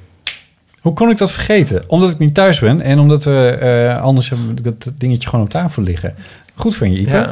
We hebben via Storytel natuurlijk de, de sponsoractie dat eh, ehm, zij Urban Ears koptelefoons weggeven. Storytel maakt audioboeken en die sponsoren ons. En we geven dat koptelefoontje weg aan wat wij het leukste eeuwofoonberichtje vonden. Ik zal eens even samenvatten. Wat? Dat is... eh, dat, Dat, was, is, eh, was Jonica Smeets. Dat was- over zelf. Dat was Jonica Smeets over- over zelfreferentie. Ja, dat is één. Over zelfverrijking, eh, zelfreferentie. We hadden Annelies over de naam. We Dat was de moeder van Jonica Smeets. De moeder van Jonica Smeets. Ja, die hadden we ook nog. Dan was er Richard met de plantengroei in wiskundige Nee, ik formules. dacht dat het gewoon wist omdat het Herman en Rick. Herman en Rick zijn het. Ontleen je identiteit voornamelijk aan Ze geaardheid. zijn en twee hun, keer genomineerd. En hun complexe constructie van vooraf opgenomen, et cetera. Dan was Thomas er nog met zijn Wie is de Mol-vraag. En Jules met zijn eh, klussen waarvoor men niet aan jou denkt... maar waarvoor Jonica toch wel eens een keer gevraagd had moeten worden. Men was ook nog steeds in de fotostrip in het parool geweest, Ipe.